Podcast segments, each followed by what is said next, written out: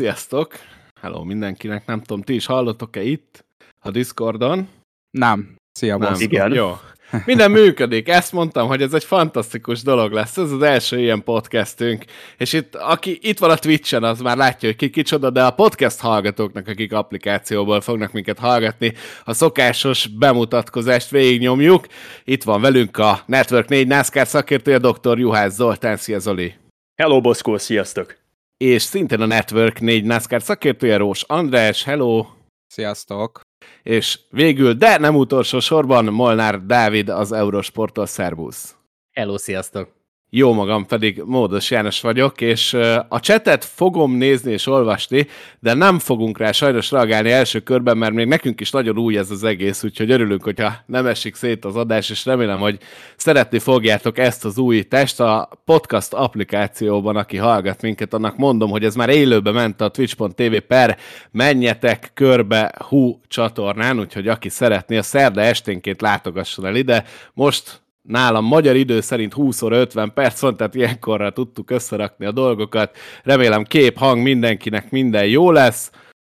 Essünk is neki, srácok, mit szóltok, mert hogy volt itt nekünk egy clashünk már, azért elkezdődött a szezon, belenyaltunk, bár ez még nem pontozásos verseny volt. Nektek hogy tetszett az idei clash? Szerintem korrekt volt az idei Clash. Túl azon, hogy visszatért a NASCAR szezon, és ahová a NASCAR beteszi a lábát, ott olyan időjárási jelenségek játszódnak le, amikre még nem volt példa abban a régióban, tehát gyakorlatilag az nekünk egy szürke élményünk, hogy amikor vasárnapra be van időzítve egy NASCAR verseny, akkor mondjuk úgy kedd déltől frissítgetjük a telefonunkat, hogy most vajon milyen szörnyűség fog történni, ezúttal emberéleteket is veszélyeztető óriási hó, illetve eh, normál eső, viharok dúltak arra felé, ennek megfelelően eléggé átírt ennek a hétvégének a forgatókönyvét az anyatermészet. A verseny viszont szerintem ennek nem látta kárát, sőt, kifejezetten jól sikerült az idei Clash. Szerintem is a, az összes eddigi Clash közül ennek volt kiemelkedően legnagyobb sportértéke, hosszú zöld etapokkal, tényleg azokat a versenyzőket láthattuk elől, akik akiket gondoltunk, hogy ott lesznek elől, és erősek lesznek. Nagyon jó volt látni Justin Haley teljesítményét például, ő is mindig ö, jól szokott lenni azokon a pályákon, ahol, ahol erősebben kell fékezni, és nagyobbat kell kanyarodni. Úgyhogy én nagyon élveztem, megmondom őszintén, és ennek szerintem az egyik nagy okozója az is volt, hogy hogy kevesebb autó volt a pályán, mint az előző években, ugye 23 autó kvalifikálta be magát, ugye 23-ként kvalifikált Ryan Blaney, aki, aki már a kvalifikáció alatt elmondták, hogy ők a, ők a versenyre fogják beállítani az autót, tehát ők nem foglalkoznak azzal, hogy egy körön milyen tempót fognak tudni menni, mivel hogy ugye automatikusan kvalifikálták magukat a tavalyi évi teljesítményük alapján, úgyhogy így hozta is szerintem a, a versenynek a legjobb teljesítményét Blaney. Nagyon sok uh, sztori volt, nagyon jó versenyzés is volt, uh, volt egy-két lögdösödés, de szerintem ez short trackeken mindig benne van, úgyhogy uh, én, én nagyon élveztem. Én leszek akkor a vészmadár. Összességében, hogyha megnézzük az eddigi Clash versenyeket, Zoli, hát te fogod a fejed, dörzsölgeted a homlokod, várd meg, amit mondok. Tehát, Az első, az első élő adás, és három perc után neki vészmadárnak kell lennie. És mi, mi lesz itt még? emlékezzetek, hogy múltkor a Danny Hamlin féle témában meg a Morfival voltak problémák. A negatív vonalra fölülve. Na, szóval csak annyit a. Clashről, hogy érdekes, amikor az ember föl kell reggel arra a hírre, mondjuk egy este 10 órakor elalszik, és föl kell reggel arra a hírre, hogy igazából az egy nappal későbbre tervezett versenyt, azt egy nappal korábban már meg is rendezték, és vége van az egésznek. Összességében szerintem az eddigi Clash versenyeken, amit a Colosseumban tartottak, azok közül ez volt a legjobb. Ehhez nem férhet kétség. Voltak események, ugye itt a Blaney féle dologról beszéltél, Morfi, Ryan Blaney teljesítményét zseniális volt nézni, hogy az utolsó helyről hogy tudja előre verekedni magát, és hát azért nem mondom, hogy majdnem megnyerte a versenyt, de azért a harmadik lett végül, hol zárt? Második? Igen, Harmadik. harmadik lett. Fantasztikus volt. És levágták Ö, szóval... szegénynek az interjúját. Hát, kellemetlen. És másodjára jár így, bocsi, mert néhány nappal korábban, meg a, talán a New York Knicksnek a kosárlabda meccsén volt kint a lelátón Baba Valasz és Ryan Blaney, és talán a New York Knicks csapata feltette a Twitterre, hogy um, micsoda sztár van jelen a stadionban, és mutatták Baba Valaszt levágva a képről Ryan Blaney. Zseniális. Tudjuk a prioritásokat nyilvánvalóan. Szóval jó verseny volt, én nem vagyok kibékülve ezzel az egész formátummal, a Clash-nek a formátumával, meg inkább a helyszínével, hogy egészen pontosan hol van.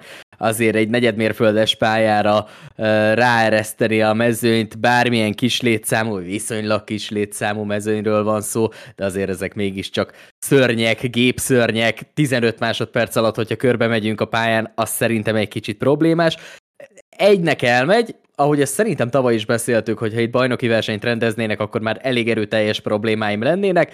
Az tény, hogyha választani kell az eddigi itteni versenyek közül, akkor én ezt választanám, hogyha még egyszer meg kéne nézni valamelyiket, de nekem megmondom őszintén ez az egész uh, Coliseum-beli Clash nem igazán jön át. Na hát akkor elmondom én is. Nekem nagyon tetszett ez a Clash, szerintem ez volt az egyik legjobb Clash, amit valaha láttam, és beleszámolom a Daytonai uh, Clash-eket is. Nekem nagyon tetszett, tök jó ritmusa volt az egész futamnak. Egy, egy ilyen nagyon rövid szakasz volt, ahol sok volt a sárga zászló, és az egy picit megbontotta a dinamikát, de alapvetően én azt gondolom, hogy itt a short track versenyzésből még komoly szinten is kaptunk egy kis szeletet. Nyilván nem azt mondom, hogy ebből a versenyből bármilyen szinten ki lehet indulni, de amikor versenyeztek a srácok, akkor ezért az oda lett rakva. Azért voltak itt nagyon kemény csaták, például Joey Logano, Ty Gibbs között a pályán, és voltak nagyon szép előzések, voltak elég durva megmozdulások is. Én azt gondolom, hogy ez egy szórakoztató verseny volt, és talán ennek pont ez a célja. Hát egy, egy dolog az, amit, amit nagyon sajnálok, hogy a Machine Gun Kelly-t nem, nem hallottuk a félidőben. Nem tudom, ti ezzel hogy vagytok. Ez jó lett volna? Én nem tudom, mert mi ugye tartottuk egy vacsolongot, és nagyon-nagyon vártuk, mert akartam látni, hogy milyen. Én szeretem ezeket a halftime show-kat. Inkább arról meséljetek, hogy mi, mi történt Christopher Bell-el, mi történt Chris Busherrel, mi történt, srácok? Christopher hát, Bell könnyebb. A... Mondja nyugodtan. Na mi jött ki? Jöjjön már ki belőled is. Ki a valós erőviszony? Az, igen, igen. Persze, Justin Haley bent van a clash és uh, ők meg nem. Gilliland hát, is. Srácok, azért nézzétek meg, hogy Justin Haley milyen teljesítményt nyújtott. Jó, ebben azért... teljesen igazad van. Amíg igen. ment az, az 51-es, addig nagyon okés volt, igen.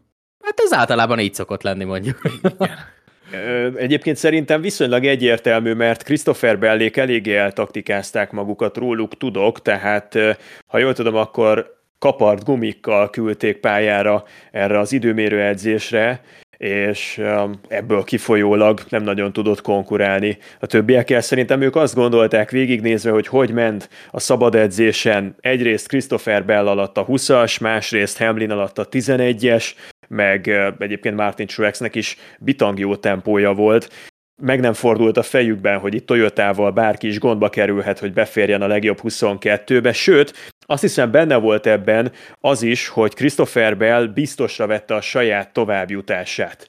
Mert Ryan Blaney, Larson, Byron tutinak tűnt, hogy kvalifikálják magukat idők alapján, és beljött a sorban egyetlen egy hely, ugye a 23. hely, amit a tavalyi bajnoki összesítés alapján fenntartottak a legjobb kiesőnek, és azért az nem nagyon fordulhatott elő szerintem normális számítások szerint, hogy a tavalyi bajnokság első három helyezettje kiessen. Úgyhogy Christopher Bellék ezért inkább beállították a saját autójukat hosszabb etapra, meg versenytempóra, és pórul jártak, mert Ryan Blaney-ek ugyanezt csinálták, Blaney sem került be a top 22-be időmérőedzés e, e, sorrendben, és nem került be Christopher Bell sem, kettejük között meg az a különbség, hogy a tavalyi bajnoki címének köszönhetően Blaney volt a provizórikus bejutó hely, Bell meg hoppon maradt. Mi történt Chris Busherrel szerinted? Mert én azt láttam, hogy Kezlovskival egyáltalán nem autóztak jó tempót, és valahogy Kezlovski az időmérőre, csak az időmérőre talált valamit, azzal bekocsikázó Chris Busher pedig hozta ugyanazokat a rossz időket, mint előtte. Figyelj, Boszko, alapvetően az nem meglepetés szerintem, hogy a Raus Fenway Keselowski ezen a Clash versenyen nem szokott tényező lenni, mert hogy ez volt a harmadik év, és most először tudott legalább egy autó kvalifikálni a Clash futamra. Tehát a másik ilyen csapat a Spire Motorsports volt, amely 2021-ben és 2022-ben az RFK-hoz hasonlóan szintén lemaradt a nagy sóról, mert mindig elvéreztek. Most végre sikerült Kezelovskinak is, meg Corilla Joynak is kiharcolnia a bekerülést, csak éppen a csapattársaikat felejtették ott a szabad edzés, időmérő edzés kombóban, mert hogy egyébként a Spire-nek is a két újonca elvérzett, meg elvérzett Chris Busher is, sőt, ami nagyon érdekes volt, hogy Josh Williams az utolsó pillanatig a kólignak a 16-osával bejutásra állt, és aztán néhány ezreden múlott, hogy Chase Briscoe kiszorította. Briscoe aztán hatalmasat gurított a versenyen, mert bőven top 10-be került. Szóval azért voltak szerintem egy körre belőtt autók, és voltak jó hosszú etapos kocsik, emiatt aztán igen nagy mozgások alakultak ki a rajtsorrend és a befutós sorrend között. És mit szóltatok az újoncok teljesítményéhez? Ugye láthattunk új versenyzőket a Cup Series-ben. Szerintem teljesen rendben volt. Itt, hogyha az újoncok táborát lehet mondjuk erősíteni John Hunter németsekkel, akkor én az ő teljesítményére hívnám fel a figyelmet, aki talán az első volt, vagy a második, gyorsan megnézem a körhátrányosok közül, a második a körhátrányosok közül egy laza 13. helyjel, szerintem összességében neki a tempójával nem volt probléma. Megmondom őszintén, hogy én egy nagyon picit szurkolok azért neki, tehát kiemeltebb figyelemmel fogom követni az ő 2024-es szereplését. Összességében szerintem ezen a versenyen nem lehet annyira kidomborítani a különbségeket, tehát ha valamilyen képet szeretnénk leszűrni, bár nagyon szeretném például azt a Stuart House Racinges jó szereplést is a szezon hátra lévő részére, hogyha ki lehetne vetíteni, de azért ez mégiscsak egy különleges verseny volt. Jól szerepelt a Stuart House Racing, szerinted, Moda? És rendben volt. A Chase Briscoe hetedik helye, hát az kell lennél jobb? Hát vannak még hárman a csapatban, csak azért kérdeztem. Jó, de hát hárman vannak a csapatban, hát kérlek szépen. Tömegével jönnek majd előre az úri emberek, tehát próbálkoznak, Egyébként... mennek, egymásra építkeznek, és mire eljutunk oda, hogy a bajnoki címért kell küzdeni, és hát ugye ott majd a rájátszásban elég erőteljes szerephez fognak jutni véleményem szerint, akkor majd összeáll a csapat, és Tony Stewart is elégedetten tapsolhat a tenyerében. Egyébként Gregson tök jól ment addig, amíg valami meg nem adta magát az autójában, tehát én, én ő, nálam egy kellemes meglepetés volt. Ugye Briscoe, hát Prisz ugye tavaly is jól ment itt, tehát én, én is azt mondom, hogy erre nem adnék sokat, hogy itt ben voltak ők a, a legjobb 23-ban, ugye Josh Berry az, aki nem jutott be a négy autó közül, mert mindannyian jók sortoválokon, és a Stuart House is általában itt a Clash-en jól szokott szerepelni. Hát nekik a jó szereplés az most egy hetedik, hetedik helyen ért fel. Itt majd inkább Daytona lesz a vízválasztó, tehát hogyha a Daytonai versenyen jól szerepelnek, akkor biztos, hogy az egész szezonban ott lesznek az élmezőnyben. Az biztos, igen, igen. Reményked csak moda. Én egyébként itt az újoncok közül arra is gondoltam, hogy Berrynek ez lesz az első teljes éve a kupában, és hát azért az ő teljesítménye az egy picit csalódás volt nekem ezen a versenyen. Nem tudom, ti ezzel hogy vagytok. Már hogy a nem versenyen. Tehát, hogy hát már hogy be se jutott, igen.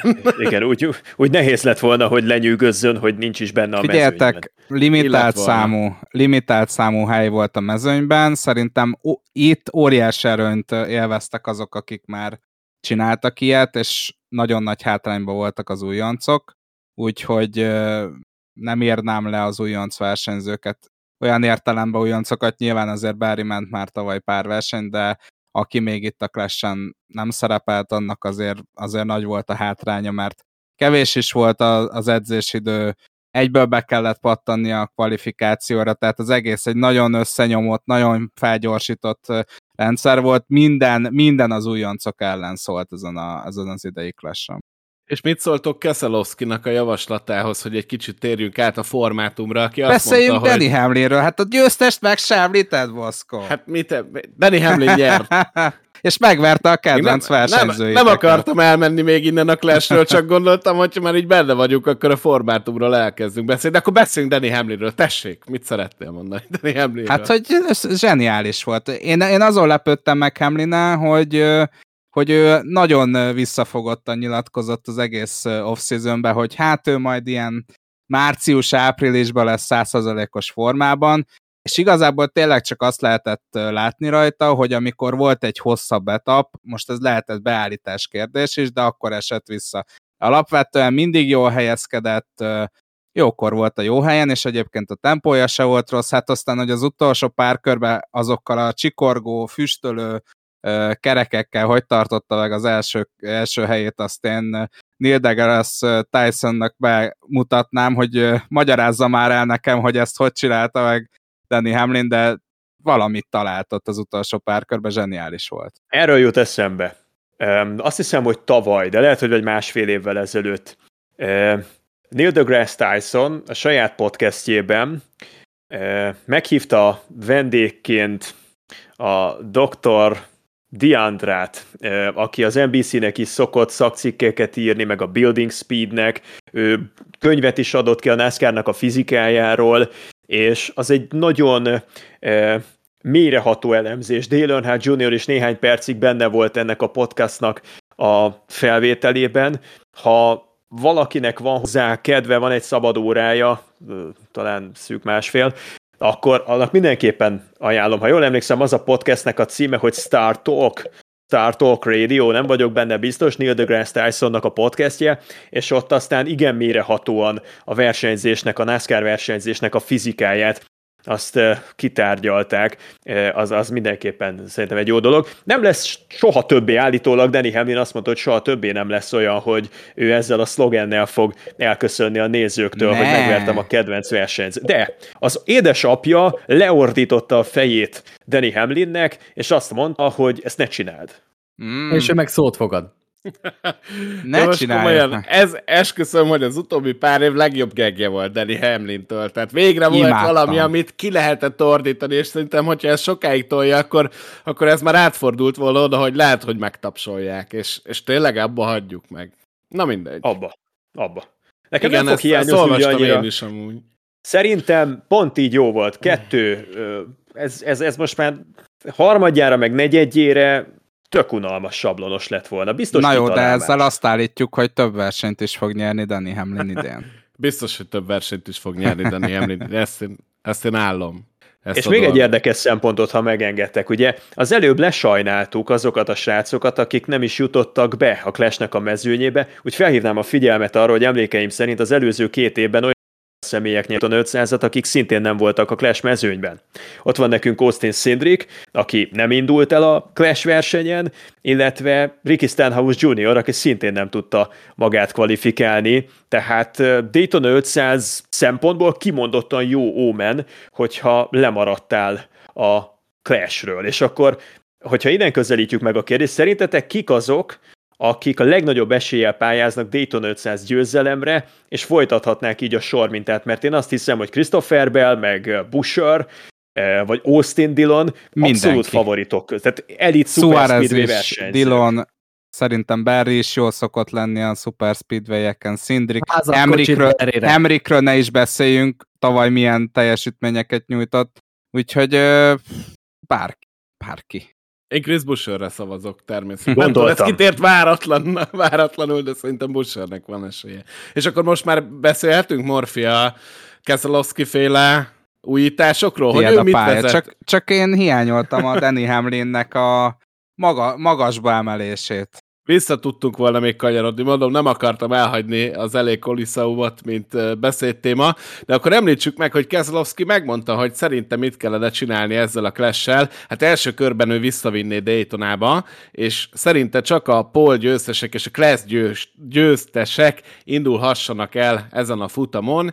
90 percig tartana az ő versenye, és a időben megfordítanák a teljes mezőnyt extra nyereményekkel, hogyha mind a két felét megnyered a versenynek mit szólnátok egy ilyen clashhez újra Daytonából? Nekem nem tetszik az ötlet. Én... én... nem vagytok lelkesek, ez most látszik is a, nem, nem. Is. Tehát szerintem az az igazság, hogy én ezt úgy nézem, hogy ezekkel a Next Gen autókkal elvinni egy Super Speedway-re egy bemutató versenyt, szerintem tök fölösleges. A csapatoknak fölösleges kockázatvállalás, és én attól félek, hogy az lenne belőle, hogy mindenki óvatosan beáll vonatozni, értem, hogy tudsz nyerni X összeget, de ha nem tudsz nyerni akkorát, ami mondjuk megtérül ne egy káreset esetén, akkor, akkor tök fölösleges versenyezni a Clash-on.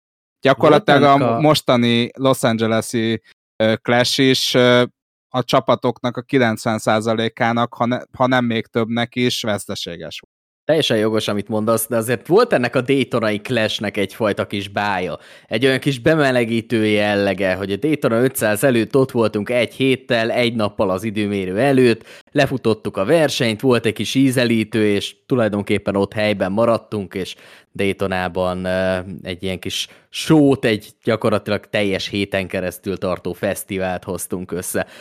Maga a versenyzési forma az talán amitől te is tartasz, az előfordulhatna, hogy Daytonában akkor erre a clash költségcsökkentési okokból, vagy spórolási okokból beállnának egymás mögé vonatozni, utolsó körben eldöntenék, stb. nem kapnánk tőle túl sokat. Viszont én egy kis csavart beleraknék ebbe a dologba, ez egy tökéletes helyszín és lehetőség lenne arra, hogy az eliminációs versenyt összehozzuk, tehát mondjuk négy körönként az utolsó kettő kiesik, féltávnál megállunk, addigra lefeleződött a mezőny, és akkor neki lódulunk megint, egy kis parádét követően jöhet bármilyen koncert, interjú, sztárparádé, lányok, tök mindegy, el lehet adni a sót, és akkor utána nyomuljunk, és, és menjünk, és lódoljunk neki. Nekem ez tetszik. Köszönöm. Én ahogy, én ahogy látom, körülbelül három reális alternatívája van ennek a clashnek. Az egyik az az, hogy folytatjuk a stadionversenyzést. Biztos vagyok benne, hogy az LA Coliseumban ez volt az utolsó clash, és megmerem kockáztatni, hogy ez volt az utolsó NASCAR verseny. De a formátum az figyelmet érdemel. Túl azon, hogy szerintem fenntarthatatlan maga ez a építsünk egy pályát, amit három nap után lebontunk című történet, ezzel együtt meg lehetne honosítani így a NASCAR-t olyan helyein a világnak, ahol talán kevésbé ismerszik meg ez a sorozat, és ahol eddig nem állt rendelkezésre semmiféle oválpálya. Tehát talán ebben gondolkodna a NASCAR, emiatt került szóba, hogy akkor menjünk Mexikóba, vagy találjunk ki valamit valamelyik nagy amerikai városban, valamilyen NFL stadionban például. Ez az egyik irány, hogy folytatjuk tehát a stadion versenyzést. A másik irány vissza Daytonába, csak hát az a rossz hírem van, hogy igazából a Daytonai clash a nézettsége úgy a helyszínen, mint pedig a televíziós nézettsége az utolsó éveiben, hát ez valami pokolian gyatra volt, és, és, és nem is tudom, hogyha megnézitek a Jeff Gluck féle pollokat, 20% környékén tetőzhetett a, a jó verseny volt-e szavazásban az igenek aránya, tehát sajnos azok a clashek, azok ilyen törés zúzásról szóltak, törésteszt volt igazából így felvezető jelleggel. Nem tudom, hogy ebben mennyi fantázia van. Aztán van még egy harmadik megoldási lehetőség, az meg a Michael Waltrip féle. A Michael Waltrip ugyanis azt mondta, hogy a 2025-ös clash szerinte nem Daytonában, de nem is Los Angelesben kellene megrendezni, hanem vigyük el a Nashville Fairgrounds-ra, támadjon fel a Nashville Fairgrounds, ugyanúgy, mint ahogyan feltámadt North Wilkesboro, és csak a futamgyőztesek, a pole pozíciót elérők, illetve a bajnoki összetett legjobb 20 helyezettje kaphasson indulási jogot ezen a futamon. Legyen tehát Nashville-ben, előzze meg egy parádé a Nashville-i Broadway-en, ahol korábban már rendeztek szezonzáró bankettet, meg ugye azt felvezető különféle eseményeket, sok koncertet szeretne, és természetesen a 2025-ös díjátadó ceremónia, a bankett az legyen a Sphere-ben, Vegasban. Na, ehhez a Michael Waltrip féle vízióhoz mit szóltok? Nagyon jó. Nekem nagyon tetszik minden gyakorlatilag nem is tudok belekötni, igazából én imádnám, hogyha, hogyha így lenne a, az elrendezése, vagy naptári elrendezése a dolgoknak, tehát hogyha Las lenne a díjátadó, és akkor mennének Nashville-be erre a versenyre, úgyhogy nekem nagyon tett. Ja, és még a legjobbat kihagytam, hogy egy felvezető verseny is lehetne az iRock autókkal. Én megmondom őszintén, nekem nagyon tetszik ez az egész koncepció, és National Fairgrounds különösen közel áll szívemhez, én nagyon szeretem ezeket a kicsit elhanyagolt uh, sortoválokat. Nekem nagy, hogy mondjam, az egyik kedvenc topikom az, hogy az ilyen pályákat ne hanyagoljuk el, és igenis élesszük újra, és ez egy remek formátum lenne, hogy visszatérhessen ez a pálya. Úgyhogy én szétadnám ezt a verziót, és annyival kiegészíteném még a dolgokat, hogy közben kikerestem, hogy a mostani Jeff Gluck féle szavazás hogy zárult, ő ugye a Twitteren tevékenykedik, vagy az X-en kinek melyik szimpatikus, és 51,3% volt az igenek aránya, hogy ez egy jó verseny volt, és 48,7% mondta az, hogy ez nem volt egy jó verseny, gyakorlatilag mondhatjuk, hogy fele-fele, de hogyha a papírformát nézzük, akkor több embernek tetszett, mint nem. Elég És nekem eszembe jutott még egy ötlet, mert nekem meg pont a, a All-Star verseny a, a veszőparipám. Én az All-Star versenyt vinném vissza egyébként Charlotte-ba, mert annyira jó versenyek szoktak lenni Charlotte-ba. Mit szólnátok egy olyanhoz, hogy North Wilkesboro-ba tartják a, a Clash-t, és és charlotte meg megtartják a, az All-Star versenyt. Ott megfelelő az időjárás ehhez? Hmm. Hát Tehát igen, szerintem ez ugye... lennének problémák, mondjuk a márciusi atlantai versenyek is eléggé húzósak tudnak lenni. És hova lett Fairgrounds, bocs, mert értem, hogy Wilkesboro-ba elviszed a Clash-t, Charlotte-ba visszaviszed Na jó, de a, a fairgrounds nem Dozer. ott még valamit meg kell szavazniuk, hogy ez, ez létezhessen továbbra is ez a pálya? Szerintem azt kell megszavazni, hogy ne létezhessen, nem? Tehát fordítva van. Ezt próbálják eltiporni ott is a lakók, meg a politika célkeresztjében van az a pálya is. Én úgy Ahogy tudom, nézem, North Wilkesboro-ban most, ahogyan beszélünk, 13 Celsius fok van, és szikrázó napsütés, éjszaka szokott mínusz egy, mínusz kettő lenni, de ez alapján akár még tartható is a dolog. Garantálom nektek, hogy ahogy a NASCAR bejelenteni, hogy verseny lesz, akkor földcsúszamlás, cunami, jégzúdulás, rianás és minden hasonló egyéb lenne, de most például hibátlan. De várjál Zoli, az a probléma, hogy most akár Budapesten is lehetne versenyt rendezni, pedig azért februárban elképzelhető, hogy esik a hó. Én benne vagyok. Fagyás van. Jöhet a NASCAR. Ma meg 18 fok volt. Egy jó hungaroringi verseny. Clash gyanánt.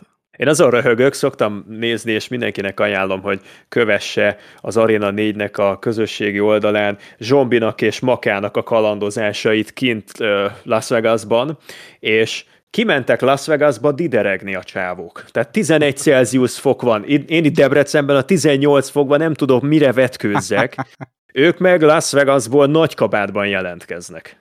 És mit szóltok egyébként, hogy egy picit tovább lendüljünk, de még nem a Clashről, ezekről a balhékról, vagy műbalhékról. Itt felsorolnám az összetűzéseket, amik voltak a verseny alatt, után, előtt, közben. Ugye John Hunter Nimecek, Ricky Stenhouse Jr. alakat össze, Tyler Reddick, Ross chastain Kyle Larson Baba Valasszal és Joey Logano Ty gibbs -el. Szerintem ez utóbbi terjedt el a legjobban a közösségi médiában, hogy Logano oda ment gibbs ordítani. Melyiket tartjátok komolynak? Mik voltak ezeknek a hátterei, miről, miről szóltak ezek a kis bífek, kis balhék? Ez annyiról szólt, hogy show. Tehát az, hogy egy tulajdonképpen gála versenyen összeszólalkozzunk azon, hogy az egyik elvette a ceruzát, a sárga színűt, és aztán nem a sárgát adta vissza, hanem a kéket, meg hogy még meg is volt rákcsálva a vége, hát azért Figyelj, ah. szerintem az egyetlen ember, akinek valós panaszkodni valója van, és valós oka volt és joga volt arra, hogy beszéljön a másiknak, az Ricky Stenhouse Jr., mert John Hunter Nimecek lekörözött versenyzőként hepajkodott, és dobta be freeride-be az autót, úgyhogy ugye ott azért történt az a balhely, ugye Stenhouse már a, a szünetben, a félidei szünetben odament, és felvette a kapcsolatot. John Hunter mecsekkel konkrétan letépte az ablakhálóját. Hát ez a Tyler Reddick, Ross Chastain féle balhé, ez igazából minden pofon jó helyre ment, azt kell, hogy mondjam. gonosz, gonosz vagy amúgy. Kyle Larson, Buba Valasz, az, az, azért ott egy picit közel vannak a tűzhöz, ugye nekik már van történelmük, és hát ugye a verseny végén a Ty Gibbs és Joey Logano-nak a, a bal helye, ugye Ty Gibbs egy picit leterelt a Joey Logánot, és, és nem vette ezt jó néven Joey Logano. Ugye, De szépen fogalmaz, Joey Logano ez nem tett. Hát üvölt, konkrétan üvöltött Ty gibbs a garázs részen. Ez engem azért érdekel, mert tavaly, amikor megérkezett Ty Gibbs a, a Cup Series-be, azt mondtuk, hogy, hogy azon viccelődtünk, hogy mi lesz, hogyha pont kinézi magának Joey Logánot, és akkor vele kezd el balhézni. Ez kicsit olyan, mint a filmekbe szokott, hogy bemegy a börtönbe, és egyből neki kell menni a legnagyobb embernek a börtönbe, mert akkor, mondod, akkor tudod azt mondani, hogy hát én nem félek senkitől. Hát, Ty Gibbs most ezt csinálja, mert hogy valahogy mindig rá tud találni Joey Logánóra, az zseniál. De hát egy ilyen pályán, hát hogy ne akadna össze a két legnagyobb zsivány? Egyszerűen nem is elkerülni egymást.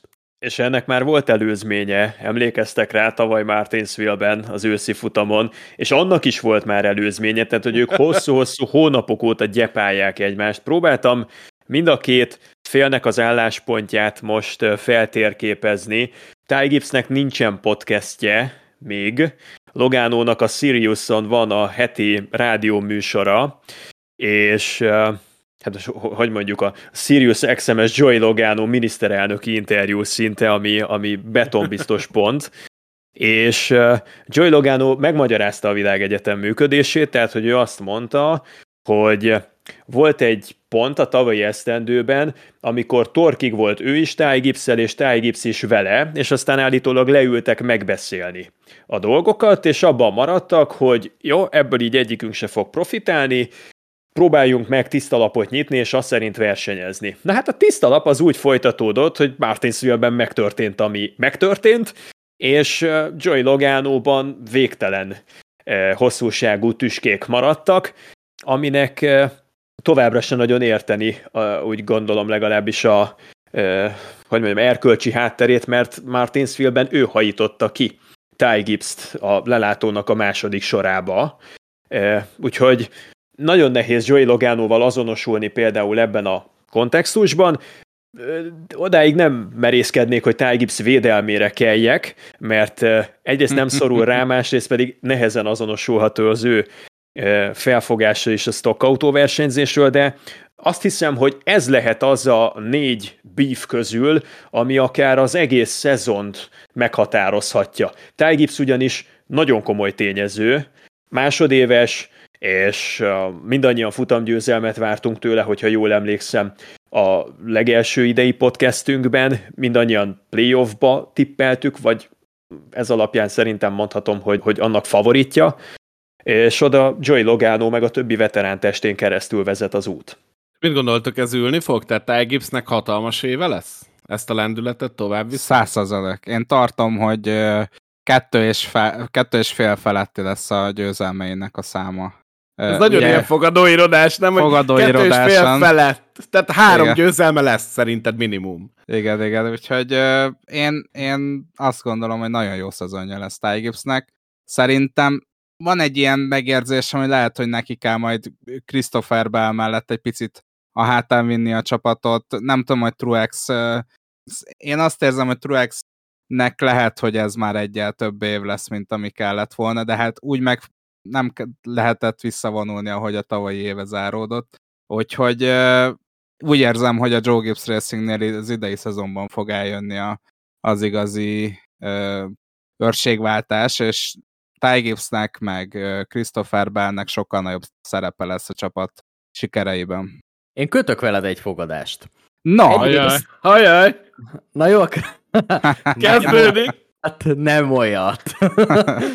Szóval Várjál, már van a fiókban egy koriládzsolyos fogadás, azért de... erre figyeljünk. Azzal igazából csak veszthettek. De egyébként ez egy borzasztóan rossz fogadás, mert hogyha nem történik meg az, amire ti számítotok, akkor én azzal nem nyerek semmit. Tehát, hogy ebbe azért nem, nem csinálsz magadból kicsit. komplet hülyét. nem, viszont így ti csináltok magatokból. Na mindegy, erre majd visszatérünk szerintem még párszor. Szóval, én tartom azt a fogadást, hogy a két és fél győzelemre tippeljünk, hogy a fölött vagy alatt lesz, én azért alálőném ezt a dolgot. Tehát Szerintem a Ty Gibbs féle vezéregyéniségé válásra még várni kell egy pár évet. Az meg, hogy Martin Truex Jr. pont egy évvel többet teljesítsen, azt követően, hogy mondjuk megnyerte az alapszakaszt, aztán olyan lett az a rájátszás, amilyen, de hát azért benne az még a tíz verseny, ami egyébként nem számít semmi. De előtte, tehát, hogy a- aki össze tud rakni 26 versenyt, az azért csak tud még valamit, és nincs ebben a kiöregedő formában, tehát azért még ő robbant. Én, én És- szurkolok olyan NFL csapatnak, aki 16 meccset nyert a szezonban, és a 17-et, bocsánat, 17 meccset nyert a szezonban, és a 18-at elveszítette a New York Giants ellen a döntőben, úgyhogy nem, nem túl jó érzés, amikor az alapszakaszban megnyersz minden meccset, és a legfontosabb pillanatban elveszíted a... Ne keverjünk ide más sportágokat. Ezt, ezt a témát nyugodtan ide keverhetjük egyébként, semmi bajom, semmi bajom vele. Nem tudom, hogy kinek tetszik, hogyha más vizekre elvezünk. Minden esetre én azért ezt a gondolatmenetet befejezném. Tehát a Martin Tru- Truex Jr. féle dolog az inkább úgy fog kicsúcsosodni, hogy ő lehet inkább vezéregyéniség. Én azért Ty Gibbs-et még mindig harmadik szereplőnek tartanám a Joe Gibbs Racingnél. Ki a negyedik? Neki az első három. Na, ugyanarra, ugyanaz a kérdésünk, Zoli. Mi a sorrend? Christopher Belt mondjátok negyediknek? Nem, Moda, királyi többes, az hozzád szól. nem feltétlenül, én egy polcra pakolnám őt Ty Gibbs-el. Bizonyos pályatípusokon, bizonyos helyzetekben Ty Gibbsnek kijöhet a lépés, de semmiképpen nem tenném mondjuk Danny Hamlin elé, Martin Truex Jr.-ral, meg aztán végképp nem szeretném, hogyha uh, föl tudná még venni a ritmust, főleg azért, mert egyébként Martin Truex Jr.-nak azért egy bajnoki cím még kijárna a pályafutásából, tehát azért először legyen meg az, az öregeket Vagy egy el 500. szépen. A Daytona 500 lehet belé. Na, de Gyere most szerintetek, ha Martin Truexet megkérdeznék, hogy mi tetszene neki jobban? Kétszeres bajnokként és nullaszoros Dayton 500 győztesként visszavonulni, vagy egyszeres bajnokként és egyszeres Dayton 500 győztesként visszavonulni, melyiket választaná? Szerintem a kétszeres Hát, bajnokot, ez egyértelmű nekem. Én is kinézem Truexből, hogy a bajnoki címet választja inkább. Ez szerintem egyébként egy nehéz kérdés, mert nyilván ott van a Daytona 500, egyetlen olyan verseny van, amit meg szeretne minden versenyző nyerni, az a Daytona 500. Na de egy bajnoki címhez meg egy teljes szezonon átívelő jó teljesítmény kell, és ez mondjuk tavaly az első 26 versenyen megvolt, az utolsó 10 nem, és ez birizgálhatja egy kicsit az agyát, hogy hát azért mégiscsak 26 versenyen keresztül ott voltunk, nyert, három verseny nyert talán az alapszakaszban, úgy lett bajnok. És alapszakasz bajnokként utána a rájátszásban nem jött össze valami, hát akkor ezt a csorbát csak ki kell küszöbölni, és nem lehet úgy visszavonulni, hogy hát kétszeres bajnok lehettél volna, mert életed egyik legjobb évét teljesítetted, ennek ellenére így csúfos módon elbuktál egy bajnoki címet, kullogjunk haza egyel. Tehát ilyen szempontból figyelve a dolgokat, én is inkább azt mondanám, hogy a két bajnoki cím lenne Truex számára a, a nagyobb dicsőség, nem pedig az, hogyha még egy Daytona 500-at oda sikerülne bigyeszteni mellé. Jó, és akkor melyik versenyt várjátok 2024-ben a legjobban? Nem. Várjál, bocsánat, Mire? a másik része, arra, hogy Mire? a másik részét a fogadásnak elmondjuk, mert egy picikét azért a témától eltértünk, tehát eh, ugye ott tartottunk, hogy a Ty Gibbs féle győzelmek száma az két és fél fölött vagy alatt lesz, én abszolút tartanám az alattot, viszont a Ty Gibbs féle balesetek száma két és fél alatt vagy fölött lesz-e? Fölött. Erre mondjuk Per szerint hét vége, vagy 38 összesen? versenyen? Hát Két és már most megvan a két és fél, és február Egyedül, 7-ét egyedül. Justin Haley-nél merném a két és fél alatt itt megfogadni. Igen, tehát nem feltétlenül a két és felet kell becélozni. Én inkább úgy tenném föl a kérdést, hogy a csapattársak közül ki fogja többször összetörni az autóját? Ki lesz benne több balesetben a négy Joe Gibbs Racing autó Ne. közül? Mert szerintem ezt a prímet azért a Ty Gibbs féle alakulat el fogja vinni. Szerintem Hamlin. Hát, Danny Hamlin most lesz jó fiú, nem? Most? Hát szót fogad De, de apunak. mitől? Tehát most mit, mitől változott meg Danny Hamlin? Most már eltöltött nem kevés időt a NASCAR-ba így, most hát, miért, miért vársz ugyan- tőle ugyanarra- 2024-ben egy ugyanarra 180 a por- fordult? Ugyanarra a polcra helyezzük ö, Danny Hamlin apukáját, mint Rick Hendricket, amikor Ross Chastainnek beszólt, hogy meg kéne Akár. nevelnie magát. Sosem lehet tudni, hogy éppen az idősebb korosztály milyen érzelmeket vált ki, és milyen szemléletváltást vált ki az emberből. Danny Hamlin 20 éven keresztül versenyzett a NASCAR-ban. 20 év alatt nagyjából, mert talán 2006-ban debütált, ennyi idő alatt nem nyert egy bajnoki címet sem, de mindig ott volt valahogy a közelében. Hát lehet, hogy egy ilyen kis kapcsolót kell átállítani a fejben, hogy most egy picit jó fiú leszek. Hát nézzétek meg, Kyle Busch jó fiú lett, vagy legalábbis nagyjából jó fiú lett. Bajnok is azóta. Nem is nyert. Igen. De hát Ross Chastainnek is nagyon megy. Chastainnek is nagyon megy, amióta visszavett, meg hallgatott Rick Hendrickre, azóta sorra nyeri a versenyeket. Csak nem a NASCAR-ban, nem tudom hol. Nintendo-n, nem tudom.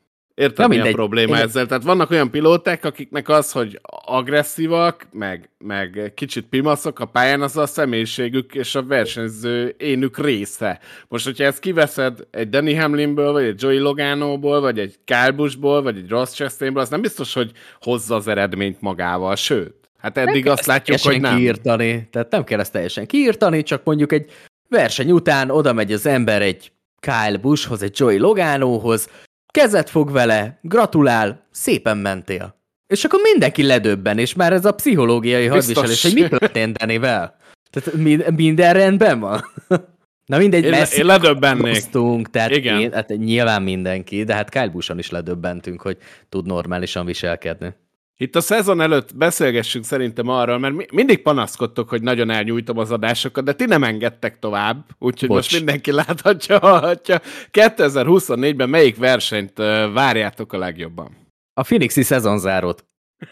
Már, még Mondom, el se mindjárt kezdődött a bemondja. szezon. Most már vége lehetne a szezonnak, gyerek. Már egy fél podcast Nagyon hosszú. Ott fog eldőlni minden. Hát mi mást várna az ember, mint a szezonzárót? De önmagában a verseny miatt. Tehát most azért tegyük a szívünkre a kezünket, ha azt mondjátok nekem, hogy modernkori NASCAR versenyzés, azért nem feltétlenül Phoenixbe kalandoznak el a gondolataim rögtön. Szóval, hogy önmagában a verseny miatt melyik hétvégét várjátok legjobban? Charlotte. én, én, én, én nagyon vacilálok uh, a Coke 600 és a Brickyard között. Nekem ez a kettő, ami... A Coke 600-on szerintem megint eszméletlen jó versenyünk lesz, ami az utóbbi két évben volt, de hát a Brickyardnak a visszatérése, és nagyon kíváncsi vagyok, hogy milyen lesz a Next Gen autó a Brickyardon. Tehát uh, én, én mind a kettőt szerint nem, nem tudok dönteni a kettő közül, ez a verseny, amit várok. Én mondjak nektek egy nagyon furát. Én Kansas-t várom. Hogy tudják Kansas idén azt hozni, mint tavaly. Mert szerintem a tavalyi év legjobb verseny az Kansas volt. Melyik? Mert mind a kettő kandidáns. Mind a Tavaszi kettő, talán jobb volt egy picit, nem? E, Talán, igen, egy fél fokkal, de mind a kettő óriási volt.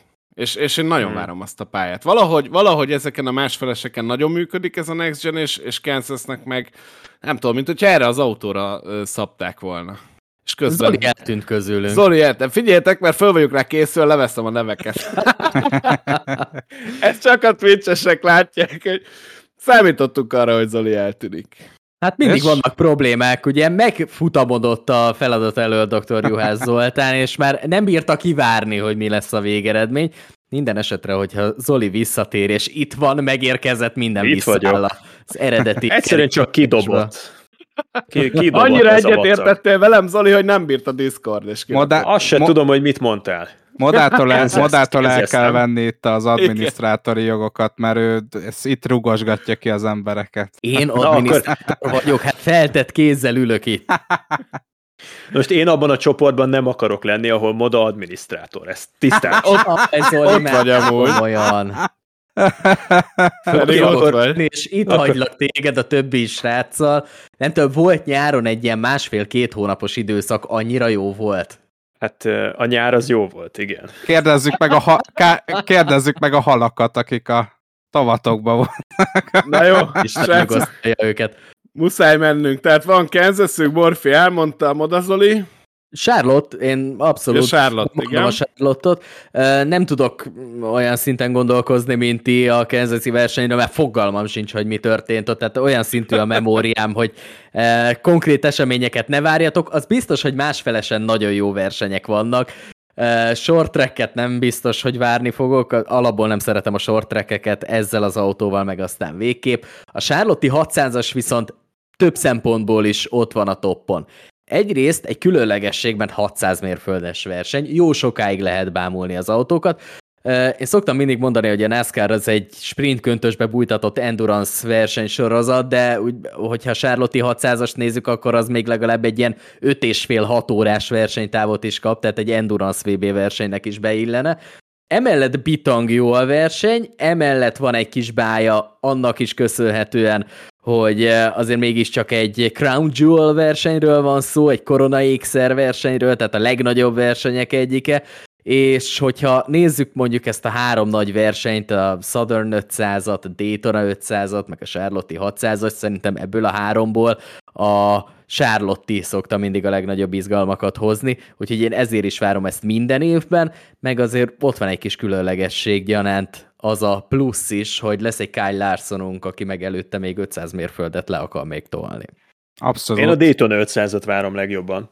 Tehát, nincs is kérdés akkora hype van bennem az egész miatt, megmagyarázhatatlan, de, de, de tényleg érzek a levegőben egy sporttörténelmet, és én ide sorolnám azt, hogyha azok, akik már bajnokok, Ajaj. de még nem Daytona 500 győztesek, azok most végre valahára beteljesítenék a végzetüket, a Keselowskikra, a Kyle Buschokra gondolok, akár egy Danny Hamlin negyedik, az, az azért milyen lenne? Vagy, vagy van, tehát hozza így magával a, a levegő a jó ötleteket, egy Baba Wallace féle Daytona 500, Justin Haley-nek egy nagyon nagy sztori, hát Corilla Joyról ugye nem is beszélve, szóval, hogy én, én annyira érzem ezt a bizsergést a levegőben, és ez az, ami, ami, ami tényleg, hogy mondjam, tehát ha elfogadjuk azt, hogy a Dayton 500 megnyerésével kitörölhetetlenül és örökre beírod magad az autóversenyzés nagykönyvébe, akkor azért ennyire sokan, ennyire közel tolongani a halhatatlansághoz nem nagyon szoktak lenni, ugye az egyetemes sportban sem, nem? Tehát, hogy mondjuk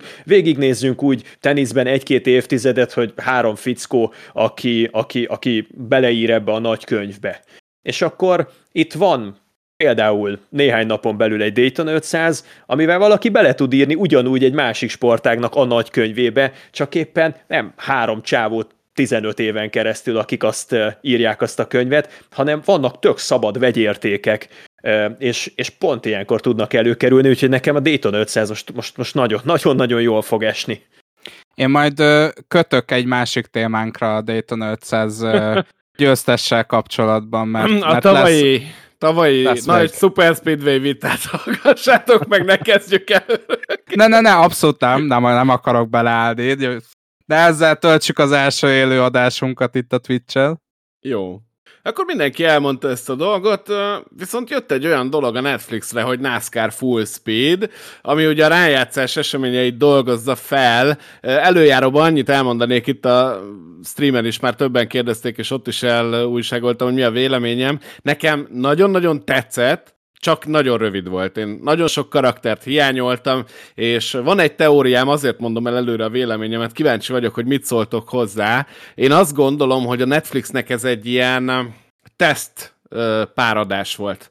Hogy kipróbálták ezt, hogy jó, most bemondjuk, ráhúzzuk a marketinget arra, hogy a rájátszásról csinálunk egy pár epizódot, ha jól emlékszem, egészen pontosan öt rész van, megszólaltatunk pár embert, és figyeljük a, a nézettségét ennek az egésznek, és én azt gondolom, és lehet, hogy ez egy ilyen alumínium csákos elmélet, de nyugtassatok meg, hogy nem, vagy mondjátok el a véleményeteket. Én azt gondolom, hogy ö, ez hozta a megfelelő számokat, és könnyen el tudom képzelni azt, hogy idén már az egész évben ott lesznek a Netflix kamerái, és sokkal több epizódot kapunk jövőre. Ti mit gondoltok eleve erről a sorozatról, hogy sikerült, és mit gondoltok a kis alumínium csákos elméletemről? Ez érdekel. Én ezt gyorsan letudnám. Tehát a rájátszás azért volt kiemelve, mert a rájátszás ki van emelve. Tehát most mi másról forgas, bocs, mi másról forgas egy dokumentumfilmet, vagy egy ilyen, hát szerintem ez már külön kategória a versenyúti film, vagy nem tudom, hogy hogy lehetne ezt uh, ilyen szépen megfogalmazni, uh, Drive to Survive uh, nyomdokain lépkedve, tehát forgathatsz a Daytona 500-ról, meg a, rájátszásról. 600-ról, a Southern 500-ról, meg 600 Jó, de ezek ilyen kis epizódok, tehát nem ez a lényeg. A lényege a bajnokságnak a rájátszás. Zoli, imád. Imádom, hogy látjuk a fejét, amúgy imádom. Ki akarod forgatni a szavaimat, már látom rajtad. Nem nehéz. Tehát, tehát ezekről, ezekről a kiemelt versenyekről egy kis morzsát úgy bele lehet csípni. A Daytona 500 köré azért lehet egy sztorit építeni, az egy részt kaphatna, de összességében azért mégiscsak a szezon vége a lényeg, amikor pofoszkodnak 16-an egymással, aztán szépen szűkülnek le. Tehát most egy, mit tudom én, egy 18. Kansas-i versenyt hogyan dolgozol föl? Semmi. Megyünk, és akkor ott vagyunk, kész. Tehát Ezért ennél kicsit több szokott történni szerintem. Ha, ha valahol nem kell keresni a sztorikat, akkor az a NASCAR, mert annyira írják a pilóták a sztorikat, ezek a kis bífek, ezek a kis veszekedések, a lögdösödés, sokkal többen vannak a pályán, mint mondjuk a Forma 1-ben, ha már itt a Drive to Survive-ot említetted, Zoli, sokkal több ilyen kis párbaj kialakul, és az egésznek a, az, e- a, hogy mondjam, az egésznek a hangulata sokkal lazább, mint az F1.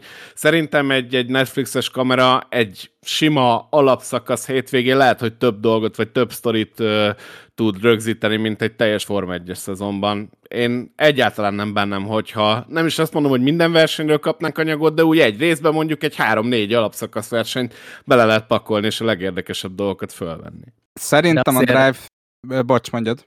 Bocsánat, csak egy gyors gondolat, hogy azért ezt 36 ö, epizódosra ezt a sorozatot nem lehet tervezni. De ezt mondom. Négy-öt verseny meg nem fér bele egy órába, úgy, hogy még valami sztorit is köré tudjál fűzni, De- amit egyébként dramaturgiailag föl lehet fűzni egy teljes sorozattá, egy teljes láncá. Azt, azt figyeljétek meg, srácok, és azt vegyétek figyelembe, hogy Drive to Survive-ba sem mennek 10 versenynél többre a kamerák. Tehát az sem, attól még, hogy egy egész For- Forma 1-es szezont dolgoz fel, nincsenek ott mind a 20 versenyen, 24 versenyen, hanem vannak kiválasztott versenyek, amikor el, amire elmennek, és feldolgozzák, és nyilván hát majd a, lehet úgy megcsinálni, ahogy a Drive to Survive-ba is, hogy bevágnak három jelenetet mondjuk a Kansas 18. versenyről, Nem? és akkor valahogy úgy kell, úgy kell beleépíteni a sztoriba. Azzal egyetértek, hogy van pár versenyszezon közben. Például én nagyon remélem, hogy a Kyle Larson féle sztorit azt végig fogjuk követni, az Indy 500 és a Coke 600-zal, Ö, de abban is egyetértek, hogy azért meg kell adni a fontosságát a playoffnak, mondjuk a playoff második részének, mert lássuk be, hogy már ebben a, és most spoilerek jönnek, ebben a, a öt részes ö, ö, kis sorozatban, minisorozatban a 16 versenyzőből nagyon sokakról nem láttunk semmi. Tehát, hogy nem volt benne Brett Keselowski, nem volt benne Kai Busch, nem volt benne egyik RFK-s versenyző sem, tehát nagyon sokan kimaradtak, és ráadásul ugye még Christopher Bell is majdnem kimaradt szegény, akit moda fölpakolt a negyedik helyre a Joe Gibbs Racing hierarchiájában. Úgyhogy szegény Christopher Bell az, aki ugye leadtak a producereknek egy listát, hogy kik azok, akikre, akikre érdemes figyelni itt a playoffba, és Christopher Bell rajta ezen a listán, annak ellenére, hogy tavaly bekerült a, a vagyis, hogy az előző évben is bekerült a, a legjobb négy közé, úgyhogy ezt nagyon okosan meg kell választani, azzal ez egyetértek, hogy egy kicsit belekóstolt most a Netflix, okosan meg kell választani, hogy hol viszik majd el a kameráikat. Amit tudunk, az az, hogy a két-három héttel ezelőtt volt média napon, Sutyomban, de jelen voltak a Netflix kamerái. Ez az a nap, amikor a televíziónak a munkatársai úgy a Fox-tól, mint a NASCAR médiájától, és az újságírók körül rajongják a versenyzőket, és egy ilyen 12-14 órás műszakban faggatják őket, fényképezik őket, promaanyagokat gyártanak velük, stb. stb. Mi is kaptunk például, eh, majd a Network 4 csatornáin láthatóak lesznek azok az anyagok, amiket külön a magyar nézők kedvéért rögzítettek a versenyzők. És ott voltak a Netflix kamerái, hogyha nem lenne terv ezzel, nem szeretnének folytatást a Netflixesek, akkor ennek például már eleve semmi értelme, úgyhogy ez utalhat valamire. Érdekes volt maga a sorozat. Egy egy, egy ötletet kaptunk arra vonatkozóan, hogy hogyan láthatja és hogyan láttathatja egy kívülálló televíziós táv, vagy egy kívülálló forgatócsoport ennek az egésznek a működését, mert azért az szinte minden másodpercéből lejött ennek a produkciónak, hogy kintről tekint befelé. Ugye, mint mikor felnyitod a tonhal konzervet, és úgy egy kicsit eltávolodva vizsgálod a benne lévő dolgokat. Hát nagyon ritkán tekintett bentről kifelé ez a sorozat, mint ahogyan egy televíziós közvetítés, az NBC, a Fox bentről kifelé közvetít. Teljesen más perspektíva, amikor egy Kevin Harvick szól a füledre, amikor egy Dale Earnhardt Jr. szól a füledre, amikor az interjúkat mondjuk Steve Letart készíti, vagy Reagan Smith készíti versenyzőkkel, akkor bentről szólnak kifelé hozzád, és ez nem mindig azonosulható pozíció, nem mindig tudja mindenki magát beleképzelni, mert úgy érzi, hogy Hát ez tőlem távol zajlik, annak a konzerves doboznak a tetejét azt nem nagyon nyitották fel, hanem úgy megmaradt félig meddig lezárva ez a valami. De ez most így idehozta olyan, hogy mondjam, olyan, olyan háztartásokba is odahozta a NASCAR Cup Series-t, ahol eddig ez nem volt termék, nem volt fogyasztott termék, és ez, ez egyrészt az előnye, másrészt meg talán a hátránya ennek a, a produkciónak, és ezért lehetett az, hogy olyan versenyzőkről maradtak le, akikről azért nagyon-nagyon régóta lehet sejteni, hogy, hogy, hogy tényezők lehettek volna. Sokan nem is vállalták egyébként, tehát például én úgy tudom, hogy Kyle Busch az nem vállalta, hogy ebben szerepeljen, és Brett Keselowski-ban sem vagyok biztos. Mit gondoltok, mit, ad, mit adott ez a széria egy új nézőnek? Megszerettetheti ez a NASCAR-t? Önmagában ez a pár epizód? Hát remélhetőleg. Nyilván az volt a cél, hogy kicsit bevonják azokat a nézőket, azt a csoportot, akik eddig nem követték a NASCAR-t. Kapsz egy nagyon jó képet.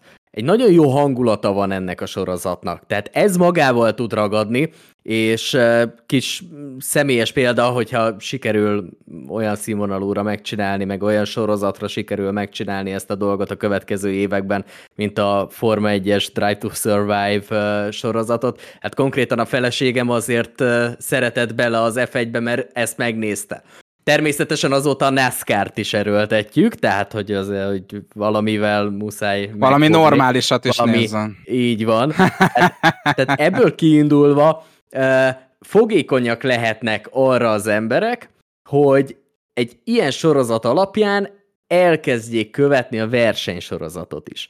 És hogyha beválik a NASCAR-nak a terve, szerintem ezzel az a terv egyértelmű, hogy egy kicsit a nézőket közelebb hozzuk ez a dologhoz, és bevonzunk új embereket, akkor az, hogy elindult ez a dolog, és az, hogy tulajdonképpen a legnagyobb streaming platformra került rá, és ők csinálták meg a Netflix, az egy win-win szituáció, mind a NASCAR szempontjából, mind értelemszerűen a Netflix szempontjából, vice versa összejöhet a dolog. Tehát szerintem ebbe belebukni igazából nem lehet.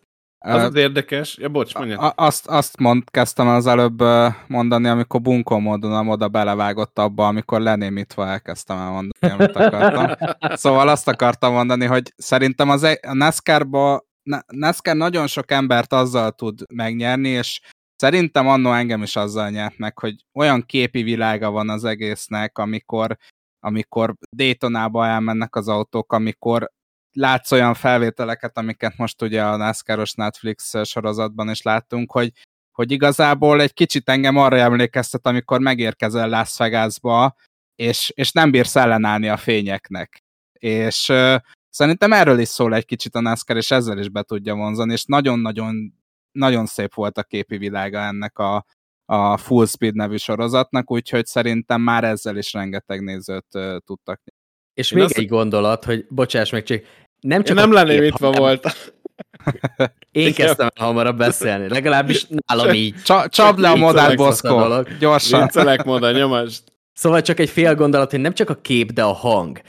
Tulajdonképpen a NASCAR az utolsó olyan autósport kategória maradt, ahol a hang az még mindig a V8-as, a dübörgő, a testedben gond, úgymond gondolatokat ébresztő. Ajaj. Nem menjünk ilyen messzire. Tehát amikor ezt... Ezt mondta a hősök terén, moda. Szóval amikor ezt egy ilyen produkció megfelelő minőségben be tudja mutatni, és tudja prezentálni, és mondjuk megfelelő hangrendszeren keresztül nézed ezt, akkor nincs az az Isten, hogy ne szeres bele. Elektromos autókkal ezt egy picit nehezebb. Ez sokkal, sokkal nehezebb, és sokkal kevesebben is szeretnek bele. Csak azt akartam mondani, hogy nem az első próbálkozás a Netflixnek az elmúlt pár évben, hogy valami NASCAR-szerűt dobjon ide be. Hogyha emlékeztek a Kevin James féle The Crew című uh, szitkom sorozatra, tulajdonképpen nem is tudom, hogy magyarul mi volt a címe, Box utca személyzete, vagy valamilyen egészen. Az. Hát ez a szokásos, szokásos magyaros fordítás volt. Uh, és volt még ugye a The Race Babba Valasz féle sztori, ami szerintem szintén egy érdekes pár részes doku volt. Azt gondolom, hogy viszont hiába keresgélt a NASCAR alternatív útvonalakat, a nézettségi adatokból egyértelműen látszik, hogy ez a Drive to Survive féle megközelítés a legfogyaszthatóbb, mert gyakorlatilag a többi sorozatot nem nagyon láttam én top 10-ben sehol, ez pedig a legtöbb országban, ami piaca a NASCAR-nak oda került, úgyhogy hajrá nyomjuk be Magyarországon is a top 10-be. Nem tudom, Zoli, hogy te összességében mi, mit vártál ettől, és mennyire csalódtál, ez például engem érdekel. Csalódtál-e, elégedett vagy, semmilyen érzéseid nincsenek belőled, mit váltott ez ki?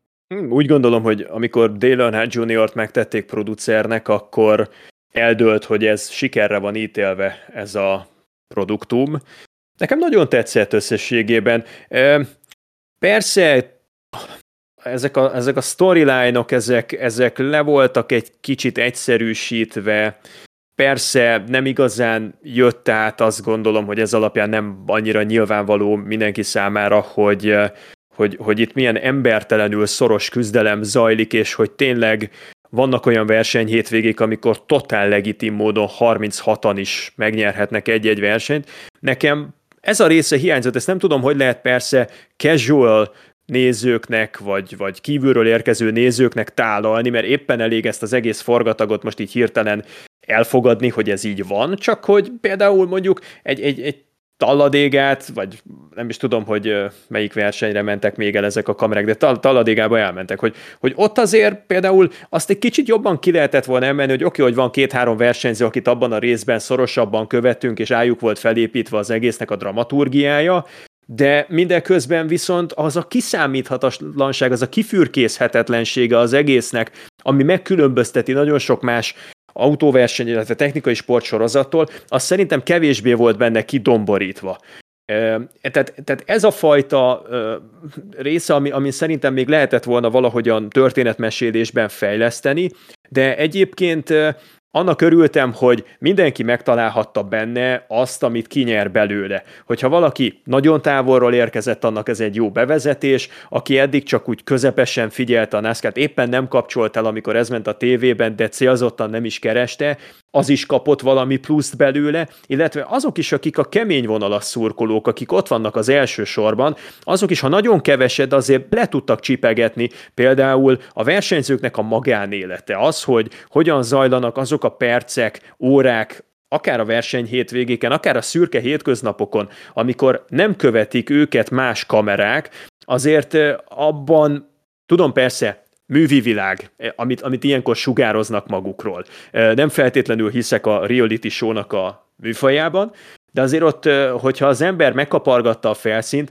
ott meg lehetett találni azt hiszem, hogy igazi személyiségeket, igazi habitusokat, meg olyan adalékokat, amik, amik, amik mondjuk még a TV közvetítésből sem jönnek le. Nem biztos, hogyha végignézed az összes szabad edzés, meg időmérő edzés közvetítését egy szezonnak, akkor abból nyilvánvalóvá válik számodra, hogy például hogyan építi fel az adott versenyző a verseny hétvégéjét, hogyan néz ki a készülődés, a kirepülés, az útnak a tervezése, meg, meg az egésznek a lecsengése, hogy még napokkal később is ezeken örlődik és, és viszi magával ezeket az eseményeket. Úgyhogy a legnagyobb erénye a sorozatnak, hogy mindenkinek tudott nyitni még egy újabb ajtót a NASCAR-nak a kis világára.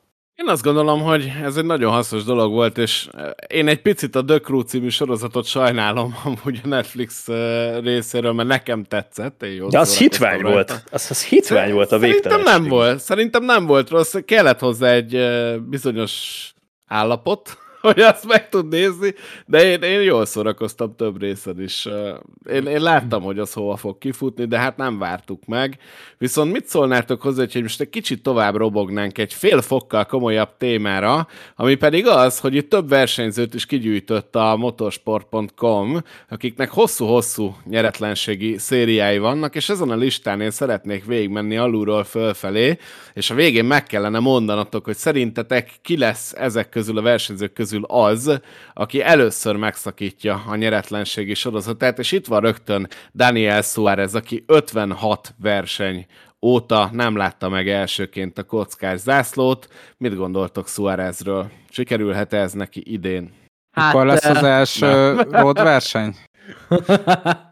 Ne, Suárezzel egyébként az a helyzet, hogy a tavalyi szezonja az annyira hitványul sikerült, hogy valami borzalom. Tehát, hogyha én 2023-ban kezdtem volna el NASCAR-t nézni, akkor azt mondanám, ne vicceljünk már Daniel Suárezet, hogy majd a mexikói sorozatban. De amilyen mondjuk 2022 volt, ott azért Daniel Suárez egy sokkal átütőbb szerepet öltött magára, mint 2023-ban, sokkal élettelibb volt az a versenyzés, hát főleg ugye rótpályákon. Rótpályából azért van egy pár. Daniel Suárez fejében nem tudom, hogy mi kell, mi motoszkál, sikerült-e összerakni idei évre fejben a dolgokat, vagy sikerül-e majd a szezon során valami olyan lelki fröccsöt magába erőltetni, amivel oda tud érni, ahol annak idején azért ő volt, meg elkezdte ezt a dolgot 56 verseny. 56 verseny óta nem nyert Daniel Suarez, ez kettő évet jelent úgy nagyjából. Hát majdnem teljesen. kevesebb, mint kettő Igen. éven. Uh, azért idén már illene neki egy verseny nyerni, hogyha ez nem jön össze, akkor viszont uh, szerintem Daniel Suáreznek nagyon-nagyon nehéz dolga lesz a pályafutása következő mondjuk tíz évét úgy eltölteni, hogy a kupasorozatban olyan csapatnál versenyezhessen, ahol reális esélye lehet arra egy Daniel Suárez szintű versenyzőnek, hogy futamgyőzelemekért harcoljon. Tehát ez az év számára vízválasztó lesz, és hogyha nem jön össze a győzelem, akkor óriási kapufa. Mit szólnátok ahhoz, hogyha így haladnánk tovább, és aki valamelyik versenyzőnél azt érzi, hogy igen, ő fogja elsőként megszakítani, hisz ezt a listát ti láttátok, a drága nézőknek, hallgatóknak egy kis meglepetés lesz. Aki biztos az adott versenyzőben, az így bekiabálná, hogy én őt gondolom, hogy ő fogja elsőként megszakítani, és végig kell görgetnem ezt a listát gyorsan, hogy nem mondjak hülyeséget, mert hogy a következő névnél én már így jelezném is, hogy szerintem meg lesz, ugyanis a listán Alex Bowman jön 61 versennyel, és én valamiért azt érzem, hogy ez az év, ez jobb, jó, sokkal jobban fog sikerülni Alex Bowmannek, mint az eddigiek. Zoli, egyet értesz? Látom, persze, erre. persze, én is, én is megnyomom a pánik gombot Alex Bowmannek, nem nézzünk végig újabb szezonját nyeretlenül, persze, jönni fog. Ezzel én is egyetértek, de szerintem Na. nem ő fogja, nem ő fogja Akkor először meg, megszakítani a veret, vagy a nyeretlenségi szériáját. Szerintem igen, és akkor robogjunk is tovább, hogy akkor szerintetek ki lehet. Itt jön Chase Briscoe 68 versennyel. Ott egy jelentkezés Chase hát Briscoe. Kérlek, hát kérlek szépen, tehát a Stuart House Racingről beszéltünk ugye ott az élő előttetek közönség előtt fölvett podcast adásunk alkalmával is, hogy a Stuart House Racing az idei évben tényező lehet akármennyire nem akarja ezt Tony Stewart sem elhinni, hogy ezen az úton tovább lehet robogni, vagy legalábbis ő egy kis változást várna, de a Stewart House Racing szerintem, ha megint nagyjából azt tudom elmondani, mint a Suárez történettel kapcsolatban, hogyha idén nem, akkor mikor máskor. Tehát megszabadultak a Kevin Harvick féle békjótól, hogy van egy olyan versenyző, aki a másik három autónál... Békjó! Aj, aj, aj, aj, aj, aj. Ez, ez amúgy milyen Várjátok, szép, hogy tíz éven keresztül, tíz éven keresztül húzod magad után az egész istállót, a hátadon elviszed őket, és amikor visszavonulsz, akkor azt mondják, hogy békjó voltál. És emiatt nem tudott repülni, ugye, Chase Briscoe. Vagy Meg Danica Patrick. idézőjelet. Tehát azért nézzétek meg, ott volt egy Kevin Harvick, aki agyonverte az összes többit. Most nincs ott a Kevin Harvick, nélküle kell megoldani a dolgot, kisebbek a különbségek, és lehet, hogy így, azt hiszem ezt múltkor is elmondtam, hogy csapatként, egy szorosabb csapatként együtt egymást tolva előre a 30. helyről majd feltolják egymást az első helyre, mondjuk lehet Daytonában szó szerint is. Briscoe szintén abban a, abba a kategóriába tartozik, mint Daniel Suárez, hogy neki, most csak nézem Zoli fejét, és ahogy mondod, úgy reagál. Zseniális. Mindenki Igen, kövessen be minket a twitch.tv per menjetek körbe, ezt látnotok kell. Zseniális. Egy ne haragudj, a másikba esek. óriási, Ne haragudj, Moda. óriási vagy, Zoli, imádlak. Tehát abba a kategóriába tartozik, hogy neki azért illene futamokat nyernie. Hát az már más kérdés, hogy milyen technika, éppen képes a Stuart House Racing verseny nyerni, vagy csak kuncognak a háttérben, mint ti. De Chase Briscoe 2024-es éve, ahogy azt már múltkor is mondtam, playoffban fog végződni. Ahhoz, hogy playoffban végződjen ez a dolog, futamot kell nyerni. Ez a széria idén meg fog szakadni, ezt mondjuk nagyjából olyan valószínűséggel tudom mondani, mint hogy Cory LaJoy szériája nem fog megszakadni idén, bármennyire is szeretnétek. Én nem- Cory nem nincsen semmit. szériája amúgy. Erről van szó, az a széria, hogy nincsen széria. Az a széria, nincsen, nincsen győzel. Tehát nem tudom, hány versenyt teljesített eddig Cory LaJoy, mert neki van a leghosszabb győzelem nélküli sorozata szerintem a kupa sorozatban. Nem tudom fejből, ne haragudj, Cory Én, én igazából azt várom, hogy mikor jön el az a pillanat, amikor Zoli így fogja, leteszi a fülhallgatóját, feláll a géptől, és Ide, közeleg. Egyébként én nagyon szeretem, hogy Zoli, neked ilyen kifejező az arcod, mert tényleg semmi rossz indulat nem volt bele, csak nekem tetszett, hogy így, így minden egyes részre így reagáltál. Nem, Na de akkor ami, amit a moda, amiket elmond, az olyan, mint mikor az asszony leírja nekem a bevásárló listát a hétvégi főzéshez, hogy úristen, tehát, hogy ezt, ezeket én honnan fogom összeszedni, ezt a sok baromságot. Na most ugyanígy vagyok azzal, amit Moda mond, hogy ahhoz, hogy ez a sok fantazmagória így megvalósuljon, ennek csak mondjuk egy töredéke testet öltsön így a, a, ebben az univerzumban, ahol mi élünk, ahhoz olyan körülmények együttállása szükséges, amiket én nem látok, de hát lepődjünk meg együtt. Én Én megmondom nem- őszintén, hogy Igen. még mindig a, a Kevin Harvick békjó párhuzamtól szédülök egy kicsit. Mindig fönn tudtak akadni ilyen félmondatokat. Ilyen apróságokkal. Akkor nem kössünk mondd. egy fogadást, akkor kössünk egy fogadást, és ezúttal eh, nálatok Sok is legyen már. valami tétje ennek a dolognak, hogy ezért ti is érezzétek a súlyát a kimondott szónak. Abban az esetben, hogyha Chase Briscoe nem jut be a rájátszásba, mi az, amit szeretnétek, hogy elszenvedjek, és abban az esetben, hogyha bejut a rájátszásba, akkor mi lesz az én nyereményem? Az a Zoli. helyzet, hogy szerintem bejut a Oké. rájátszásba Chase Briscoe. Én azt gondolom, hogy idén bemegy. Tehát ilyen tekintetben meg kell, és már én nem merek nagyon belállni, abba, Miről amit a mondasz a, akkor? tavalyi, a tavalyi Kálbusos tipped óta, amikor hárman kinevettünk, és Kálbus megnyerte a futamot, úgyhogy én már, Ugye? én már nem merek semmire Szerintem a szólni. vita arról szól, hogy Moda egy picit úgy beszélsz a Stuart House Racingről, mint akik jelek tö- sokaságát mutatták az elmúlt fél évben vagy pár hónapban, hogy idén jó teljesítményt fogjak nyújtani. És nem, a falak újrafestése nem, jel- nem jelzi azt, hogy, hogy jól fognak szerepelni. Nem értetek hozzá. Azt mondod, hogy őrít, megőríti teljesen, és feldobja a festékszag. Jó, nem a festék, de az új logó. Az új Hát versenyzők. Egy kis frissesség költözött a csapatba. Zoli, most már Kinek tudod, kell tudni Erik fogod, Almiróla meg Kevin Harvick? tudni fogod, hogy mivel tudod motiválni a munkatársaidat, meg a, a leendő ö, klienseket, amikor belépnek, egy új logót kell csinálni.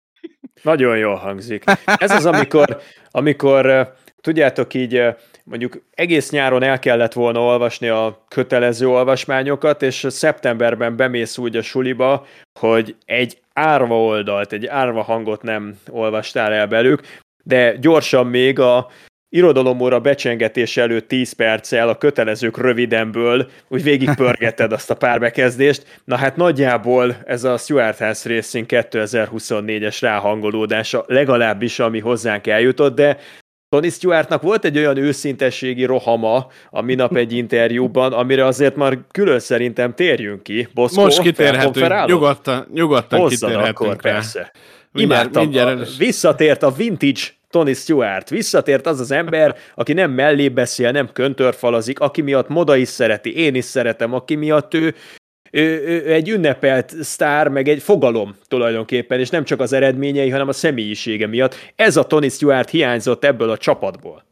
Igen, mert hogy Tony Stewart azt mondta, hogy a szurkolóknak szüksége van egy kis, hát reality check, azt hiszem így fogalmazott eredetileg egy ilyen kis helyreigazításra, hogy emlékeztessük őket, hogy nem én, azaz Tony Stewart vagyok a csapatfőnök, nem én vagyok a mérnök, nem én diktálom az autók beállításait és semmit, én csak megadom a srácoknak az eszközöket, hogy elvégezzék ezt a munkát, és az elmúlt években ezt nem sikerült megcsinálni. Bocsánat, ki az, aki az elmúlt években ezeket a srácokat idehozta ehhez a csapathoz?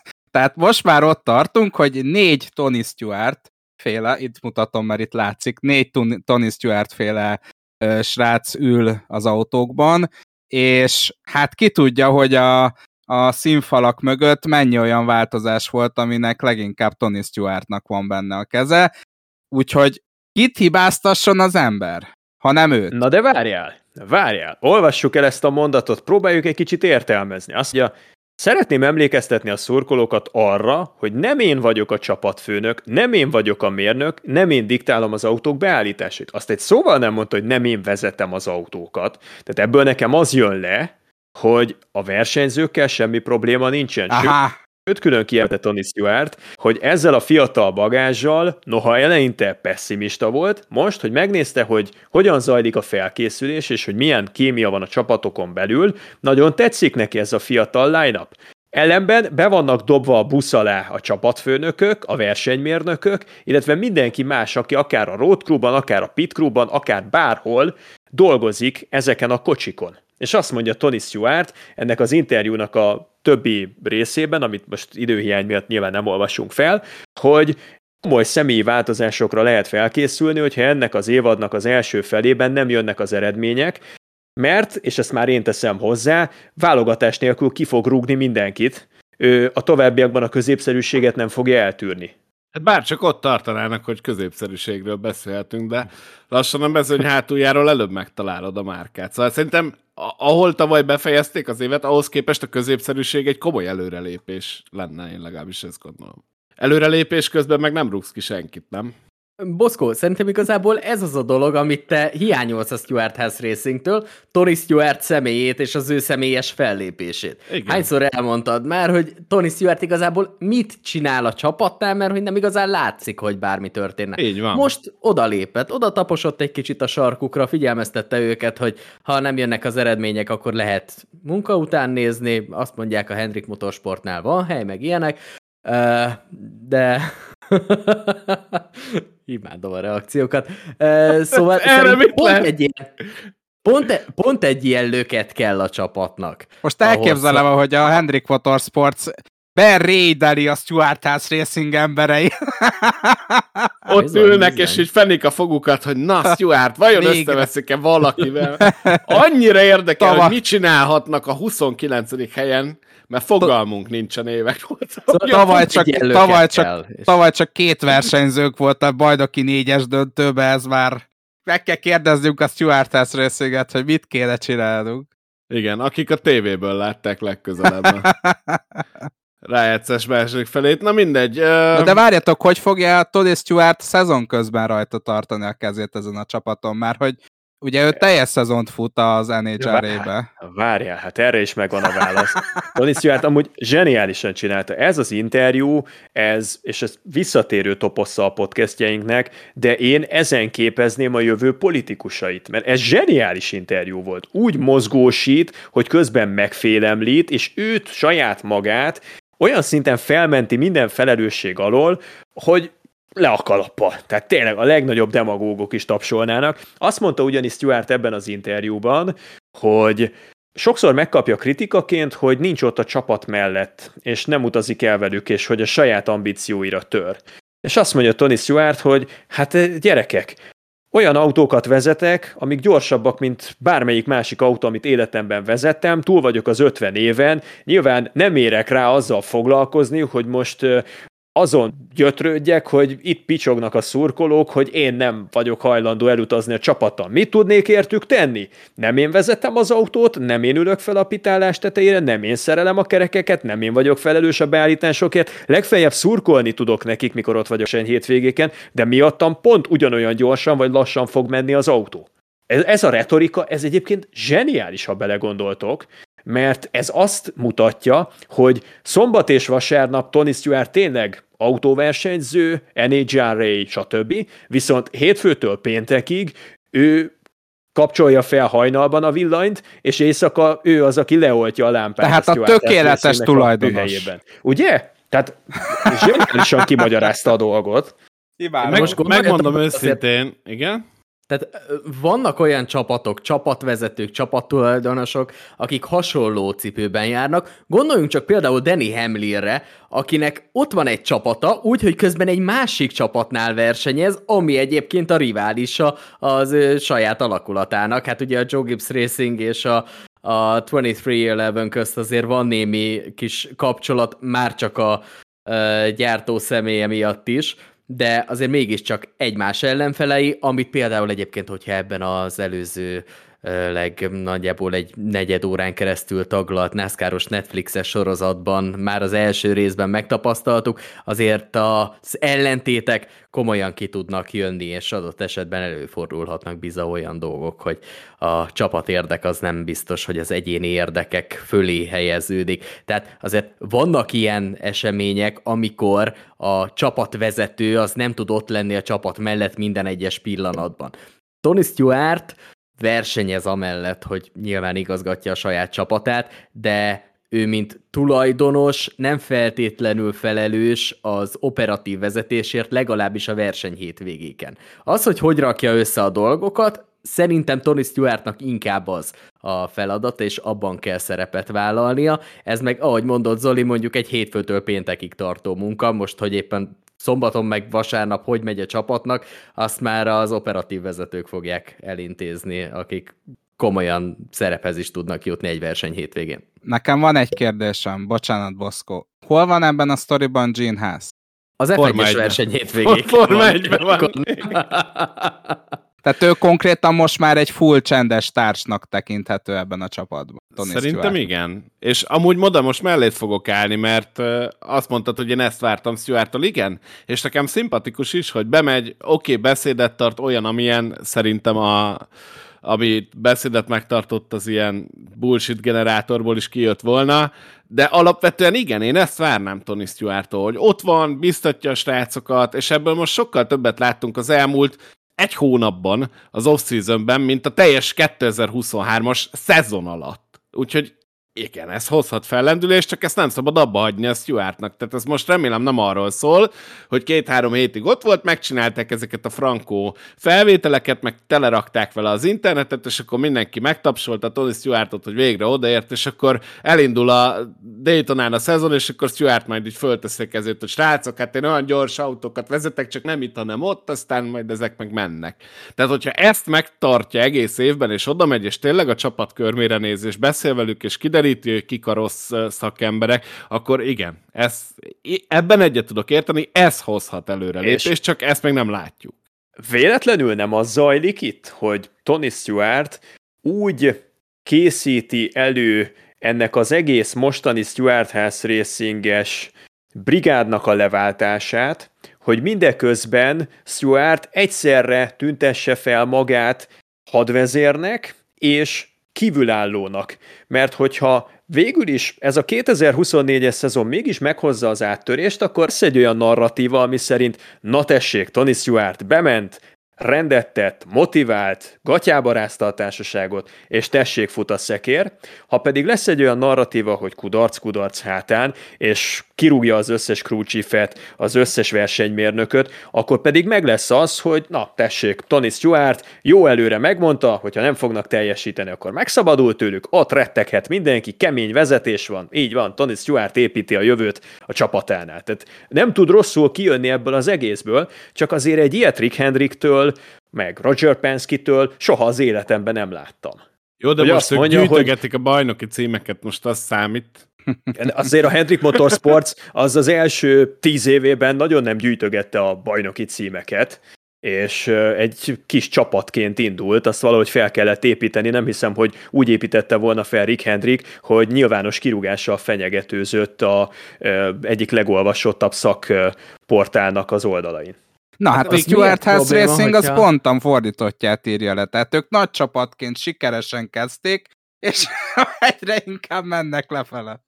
Most majdnem ott tartunk, hogy egy tökéletes kört írt le, mert a Gene a NASCAR-ban pontosan így, ugyanilyen lent kezdte, egy nagyon pici csapat volt, szerény lehetőségekkel és nagyon szerény eredményekkel, aztán jött Tony Stewart, Kevin Harvick fellendítették, Kurt Busch, Clint Bowyer, és aztán történt valami, amit nehéz hova tenni, és megérkeztünk ide. De hát ez az élet körforgása, tehát innentől kezdve a hullámvölgy után megint elindulunk fölfelé, tehát az nem lehet, hogy az általad lerajzolt kör alak az ott alul pangjon, és ne menjen a fölfelé menő fázisába majd egyszer csak valamikor, és hát ez miért csak most mondod, mert 24-es év?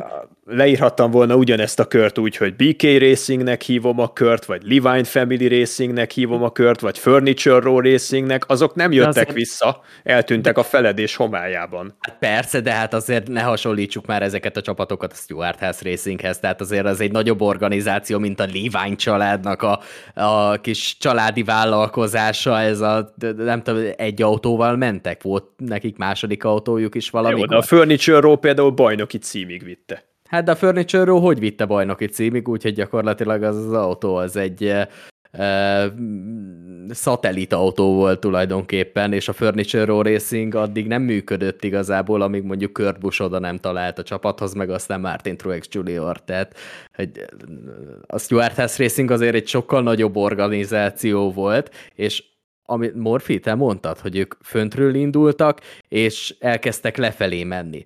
Tehát ez a fönti menetelés, ez nagyjából kitartott egy olyan 15 éven keresztül, és aztán elkezdtünk lecsúszni.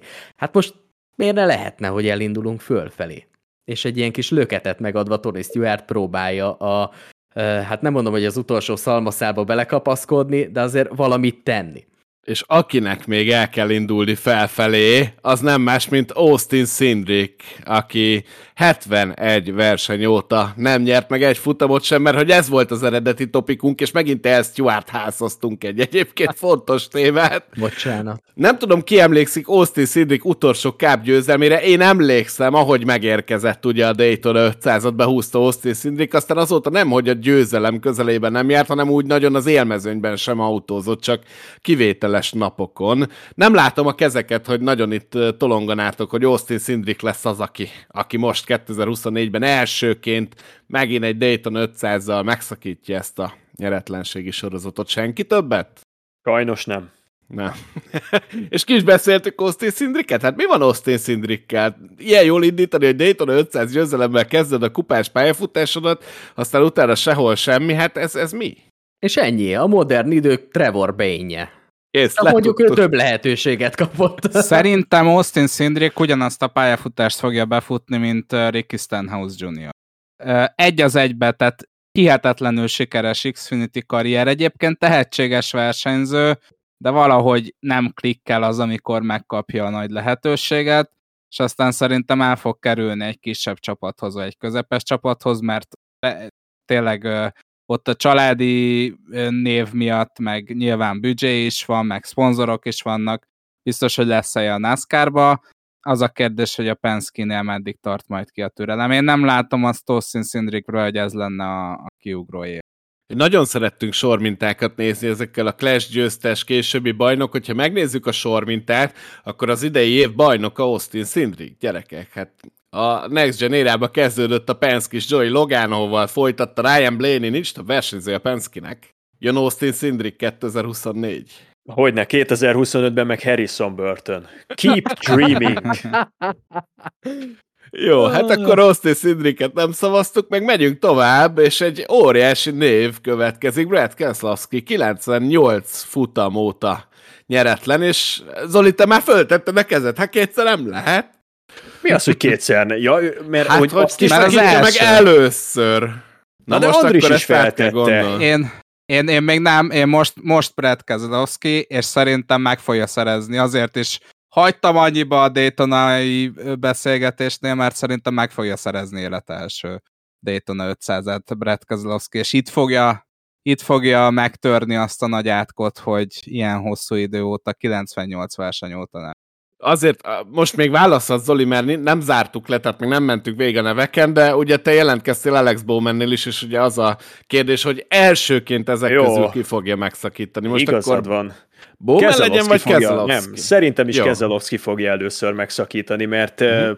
Bowmannel ellentétben én Kezelowskinál azt érzem, hogy ő tényleg bármelyik versenyt megnyerheti. Ahogy egyben van az RFK-nak a csomagja, ahogyan mentek Super Speedway, amikor legutóbb Daytonában jártak, de akár a kisebb oválokon is, nagyon biztató. Az egyetlen, ami kerékkötője lehet ennek, a Keselowski versus Bowman összevetésben, hogy a Fordoknak nem ismerjük, hogy reagál az autója majd a tolásokra a super speedway-eken, meg egyáltalán hogyan fog működni ez az új Dark Horse. Ezzel ellentétben a Chevy Camaro egy kiforrott bevált technika, és um, Alex Bowman pedig, ha egészséges, akkor, akkor akár mehet egy alapszakasz bajnoki címért, mert a stabilitás, a kiegyensúlyozottsága az mindig is, hát mindig is. Tehát az utóbbi két-három esztendőben szerintem is megvolt neki, és uh, a legkevesebb vezetett körrel legtöbb futamgyőzelemmel rendelkező versenyzők között van. Tehát az egy futamgyőzelemre eső vezetett körök számában közel világrekorder Alex Bowman, ez is egy ilyen titkos képesség a, a Colcasteri,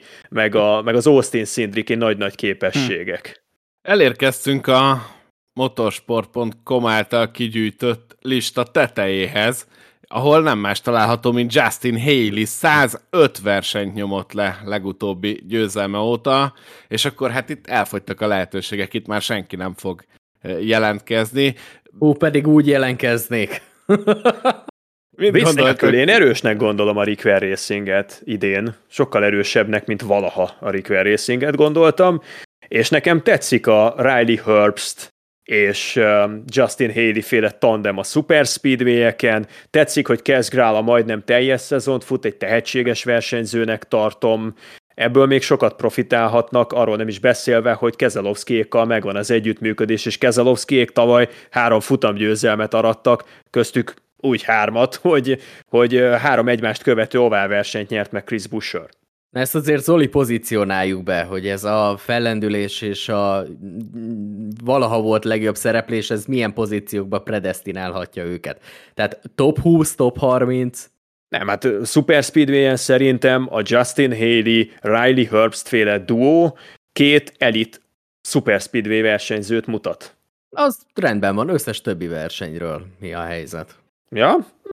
Szerintem az már egy szép dolog lenne, hogyha a Rickwell Racing valahogyan eljutna odáig, hogy bekerülnének a mondjuk top 28-ba a Justin Haley féle autóval a bajnokságban. Tehát a bajnoki összetetről beszélek. Ehhez az kell, hogy a DNF-eiket lecsipkedjék, és egyszer el tudják kapni mondjuk, mondjuk úgy olyan két-három hónapra standarden a Colleague Racingnek, meg a Stuart House Racing aljának a szintjét, meg mondjuk a Legacy MC-nek a szintjét. Ha ezt tudnák tartani, akkor szerintem, szerintem ebből lehet egy, bőven top 30-as ö, bajnoki összesítés, ami az előzmények fényében nagyon erős. Top 30-at azt tartanám egyébként én is. Uh-huh. Nincs a listán, de Zoli, te itt előzetesen említetted, és tényleg beszéljünk róla, hogy mi van Chase Elliottal, mikor fog Elliot versenyt nyerni szerintetek. Ha rajta lenne ezen a listán, akkor jelentkeztetek-e volna nála? Ezt most csak így zárójelesként dobjuk hozzá ehhez a topikhoz.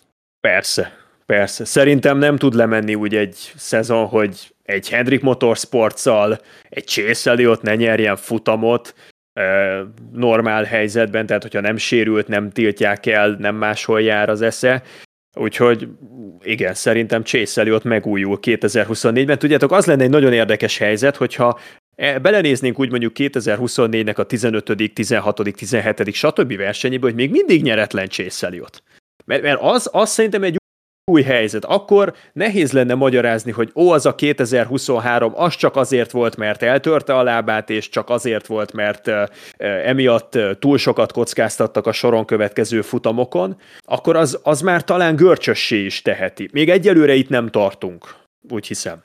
Alapvetően közel lenne, de még így is Kezlovszki-nál tenném föl a kezemet. Szerintem is fog Elliot idén futamot nyerni ahhoz, hogy egyetértek Zoli, vagy ahhoz, hogy ne legyen nagy nyomás rajta, a szezon elején kell futamot nyerni, és ami egyébként jellemző is volt Eliotra a jó éveiben, hogy a szezon elején mindig nagyon jó szokott jó, hát akkor ezen igazából túl is vagyunk. Kettő topikunk maradt, az egyik egy aprócska hír, a másik pedig egy nagyobb szelet a fantazi, ugyanis gyorsan szeretnék majd végigfutni újra a szabályokon, hogy aki esetleg most csatlakozna, az tudja róla, de még ide bedobnám, hogy Dale Earnhardt Juniornak ugye jelenleg nincs szerződése az NBC-vel, de azt mondta, hogy ő nagyon szívesen maradna és folytatná a kommentátori munkát. Hogy látjátok az ő helyzetét? Fogjuk-e őt még viszont látni az NBC? Mi a helyzet juniorral?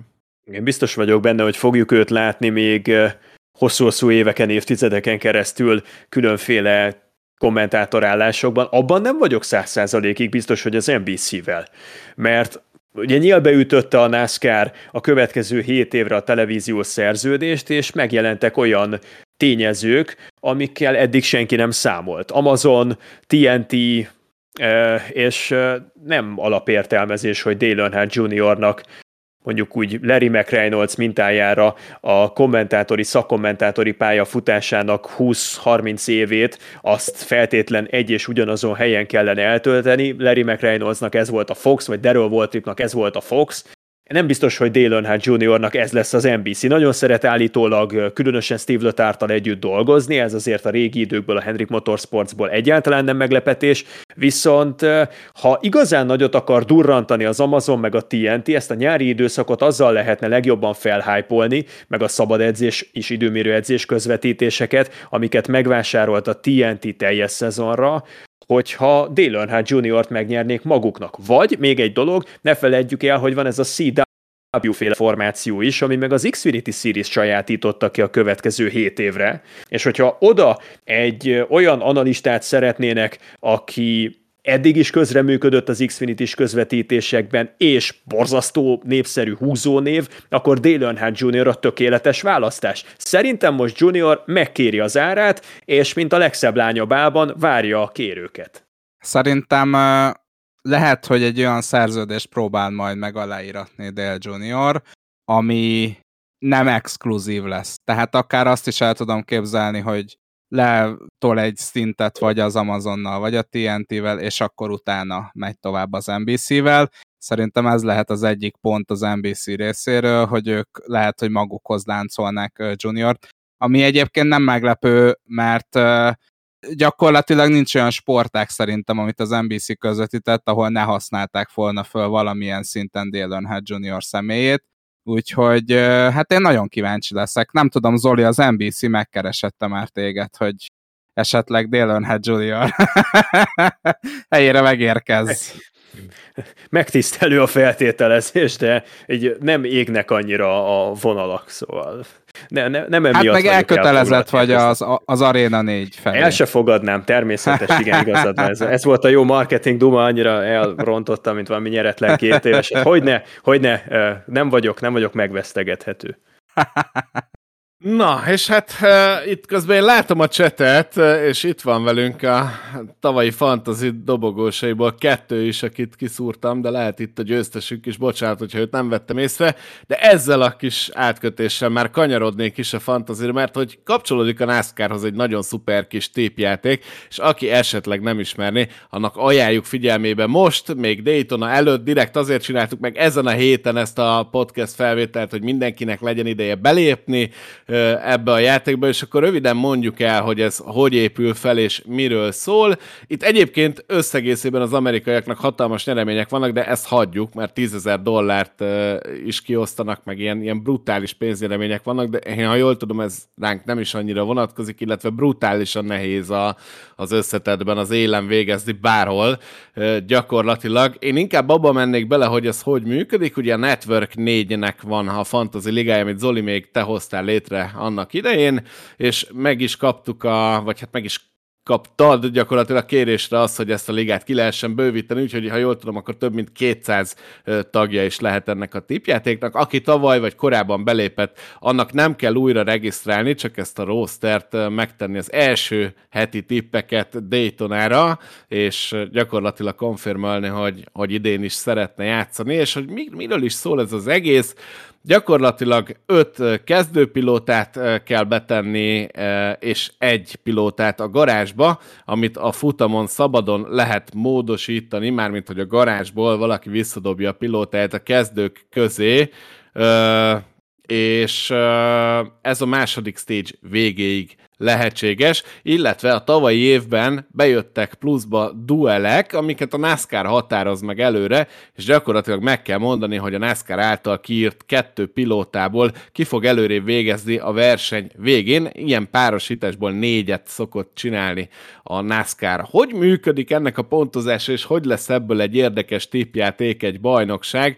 Hát úgy, kérem szépen, és tavaly én itt el is csúsztam, hogy mindig valahogy a verseny végében gondol gondolkodtam, de osztanak szakasz pontokat is, méghozzá az első 10 helyezetnek, 10-től lefelé indulnak el a pontok egyesével, ezek a head-to-headek, tehát ezek a duelek, e, ezek egyesével érnek 10 pontot, tehát összesen 40 pontot lehet szerezni, illetve a verseny végén is osztanak pontokat, ott az első helyezettnek 40 pontjára, a másodiknak 35, a harmadiknak 34, és így lefelé 33, stb. stb. stb. És így áll össze egy e, viszonylag vaskos pontszám, és ezeket a tippeket mind a 36 pontozásos futamra ugye meg kell tenni, és ennek aztán lesz egy végeredménye. Ez egy nagyon izgalmas játék, most talán ez annyira így szóban nem jön át, de lehet izgulni a futamon, hogy esetleg a kiválasztottatok kiesett, vagy éppen előre tör, vagy jó helyen van, de el kell találni a taktikákat is, hiszen nagyon sokat számítanak a stage pontok, úgyhogy ebbe a játékba szeretnénk mindenkit meginvitálni, és óriási volt az aktivitás a tavalyi évben is, és rengetegen benne is maradtak a ligában, hogy ezt még egy pár emberrel meg tudnánk toldani, akkor ez egy remek dolog lenne, illetve hát az első három helyezetnek itt az élő podcast felvétel alatt egy bögrét ajándékoztunk, hát azt gondolom, hogy ez óriási, óriási díj volt, úgyhogy megéri, higgyétek el, megéri jól tippelni egész évben egy ingyen bögre a vége. Hát ki ne akarna egy ingyen, menjetek bögrét. Ez a játék, nem tudom, hogy kihagytam-e valamit, srácok, mert ha nem, akkor viszont kanyarodjunk rá arra, hogy a podcastunkban mindegyikünk szokott egy-egy tippet mondani a következő versenyre, és ez idén sem lesz másképp. Kihagytam-e valamit, hozzáfűznétek-e még valamit ehhez a fantazis fölvezetésemhez? Szerintem előre valami más díjat kellene kitalálni, tehát hogy lehet, hogy nem egy bögre, hanem kettő járna a győztesnek, és azzal kiemelnénk egy kicsit, hogy akár még egy termoszt is kisorsolhatnánk. Tehát Na azért, azért túlzásokban ne essünk, ne essünk túlzásokban. Ja, az Tisztában vagy a termoszára? Várjál, Boszkó, ez szerintem egy felajánlás volt. Tehát, hogy én úgy értettem, hogy Moda ezt saját büdzséből meg fogja finanszírozni.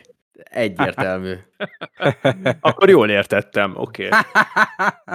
Mutassuk be az új nézőknek, per hallgatóknak, hogy hogy szoktunk mi fantasztikus fantasy tippeket adni, néha fantasztikusan jó, néha pedig fantasztikusan rossz, de mindenképpen fantasztikus. Ki szeretné kezdeni azt a pilótát bemondva, aki szerint a tipja, hogy Daytonában ki lesz a király, és az a jó ebben, hogy most látom, hogy a Morfi jelentkezik. Fizikailag látom, úgyhogy Morfi, tiéd a pálya, Daytona 500, ki a tuti tip? Én azért jelentkezek, mert nem akarom túlhúzni, én már elmondtam körülbelül 10 perccel előtt Brad Keselowski. Oké. Okay. Ki szeretne lenni a következő? Most ez nekem is óriási segítség, hogy látom az arcokat. Legyen mondjuk, nem tudom, moda. Na, legyek én. Hát akkor nézzük meg, ugye ez az a verseny, ahol a 40 induló közül gyakorlatilag majdnem minden 40 esélyes a győzelemre. Elég sokan kikerülhetnek azok közül, akik mondjuk adott esetben nem nyertek még Daytona 500-at, de, itt jön a de, miért ne lehetne az, hogy Martin Truex Jr. behúzzon egy Daytona 500-at, meg egy bajnoki címet is? Mert a műsorunk elején csak arról beszéltünk, hogy ha lehetne választani a kettő közül, akkor melyiket választaná Truex? Az a jó, hogy nem kell választani. Be lehet húzni mind a kettőt egy szezonban. Martin Truex Jr. hagyd szóljon. Zoli? Moszkó? Én? Ah. Szeretnéd, hogy én mondjam? Dobálózó? Figyelj, én akkor mondom, és akkor leegyszerűsítem a dolgodat. Szerintem Chris Busher tuti lesz. Jól fogja kezdeni az évet. Chris Busher sok pontot fog hozni. Ő egyébként is szeret elől menni ezeken a Super Speedway-eken, és mondom, most nem szeretném elkövetni azt a hibát, hogy a stage egyáltalán nem veszem figyelembe. Busher. Én Austin Dillonra tippelek. Szerintem megnyeri a második Daytona 500-át. Nagyon tetszett, ahogyan Egyrészt Kyle Busch-sal, másrészt a többi sevissel össze tudtak dolgozni a Super Speedway-eken, az pályatípusnak az egyik specialistájáról beszélünk, tavaly is győzelmi esélye volt neki is, meg Kyle Busch-nak is a Daytona 500-nak a hajrájában. Kyle Busch megnyerte a Daytona 500-at, csak történetesen 505 mérföldön keresztül, vagy hogy tartott a futam végül. Mm, szóval szerintem Austin Dillon, az egy erős, erős, erős gondolat most nekem.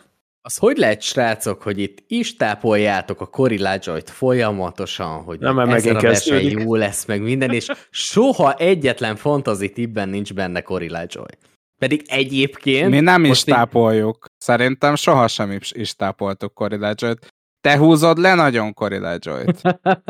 De várj, tehát hallgassuk egyébként- már végig ezt a mondatot.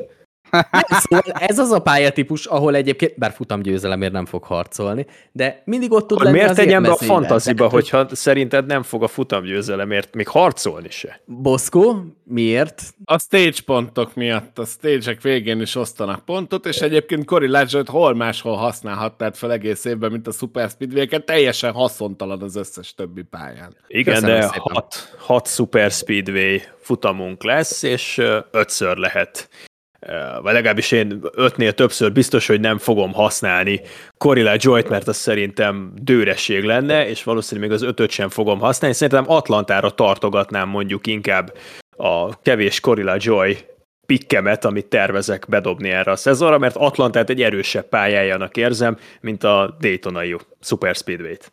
Egyébként kimondtál egy nagyon fontos dolgot, amit kifelejtettem a fantaziból, hogy a teljes éves pilótákból ötször lehet az alapszakaszban mindenkit választani, és akkor utána reszetelődik, vagy tízszer? Nem? Tízszer Tízszer. lehet. Tízszer. Tízszer lehet. Tízszer, és a rájátszásban lehet ötször, igen.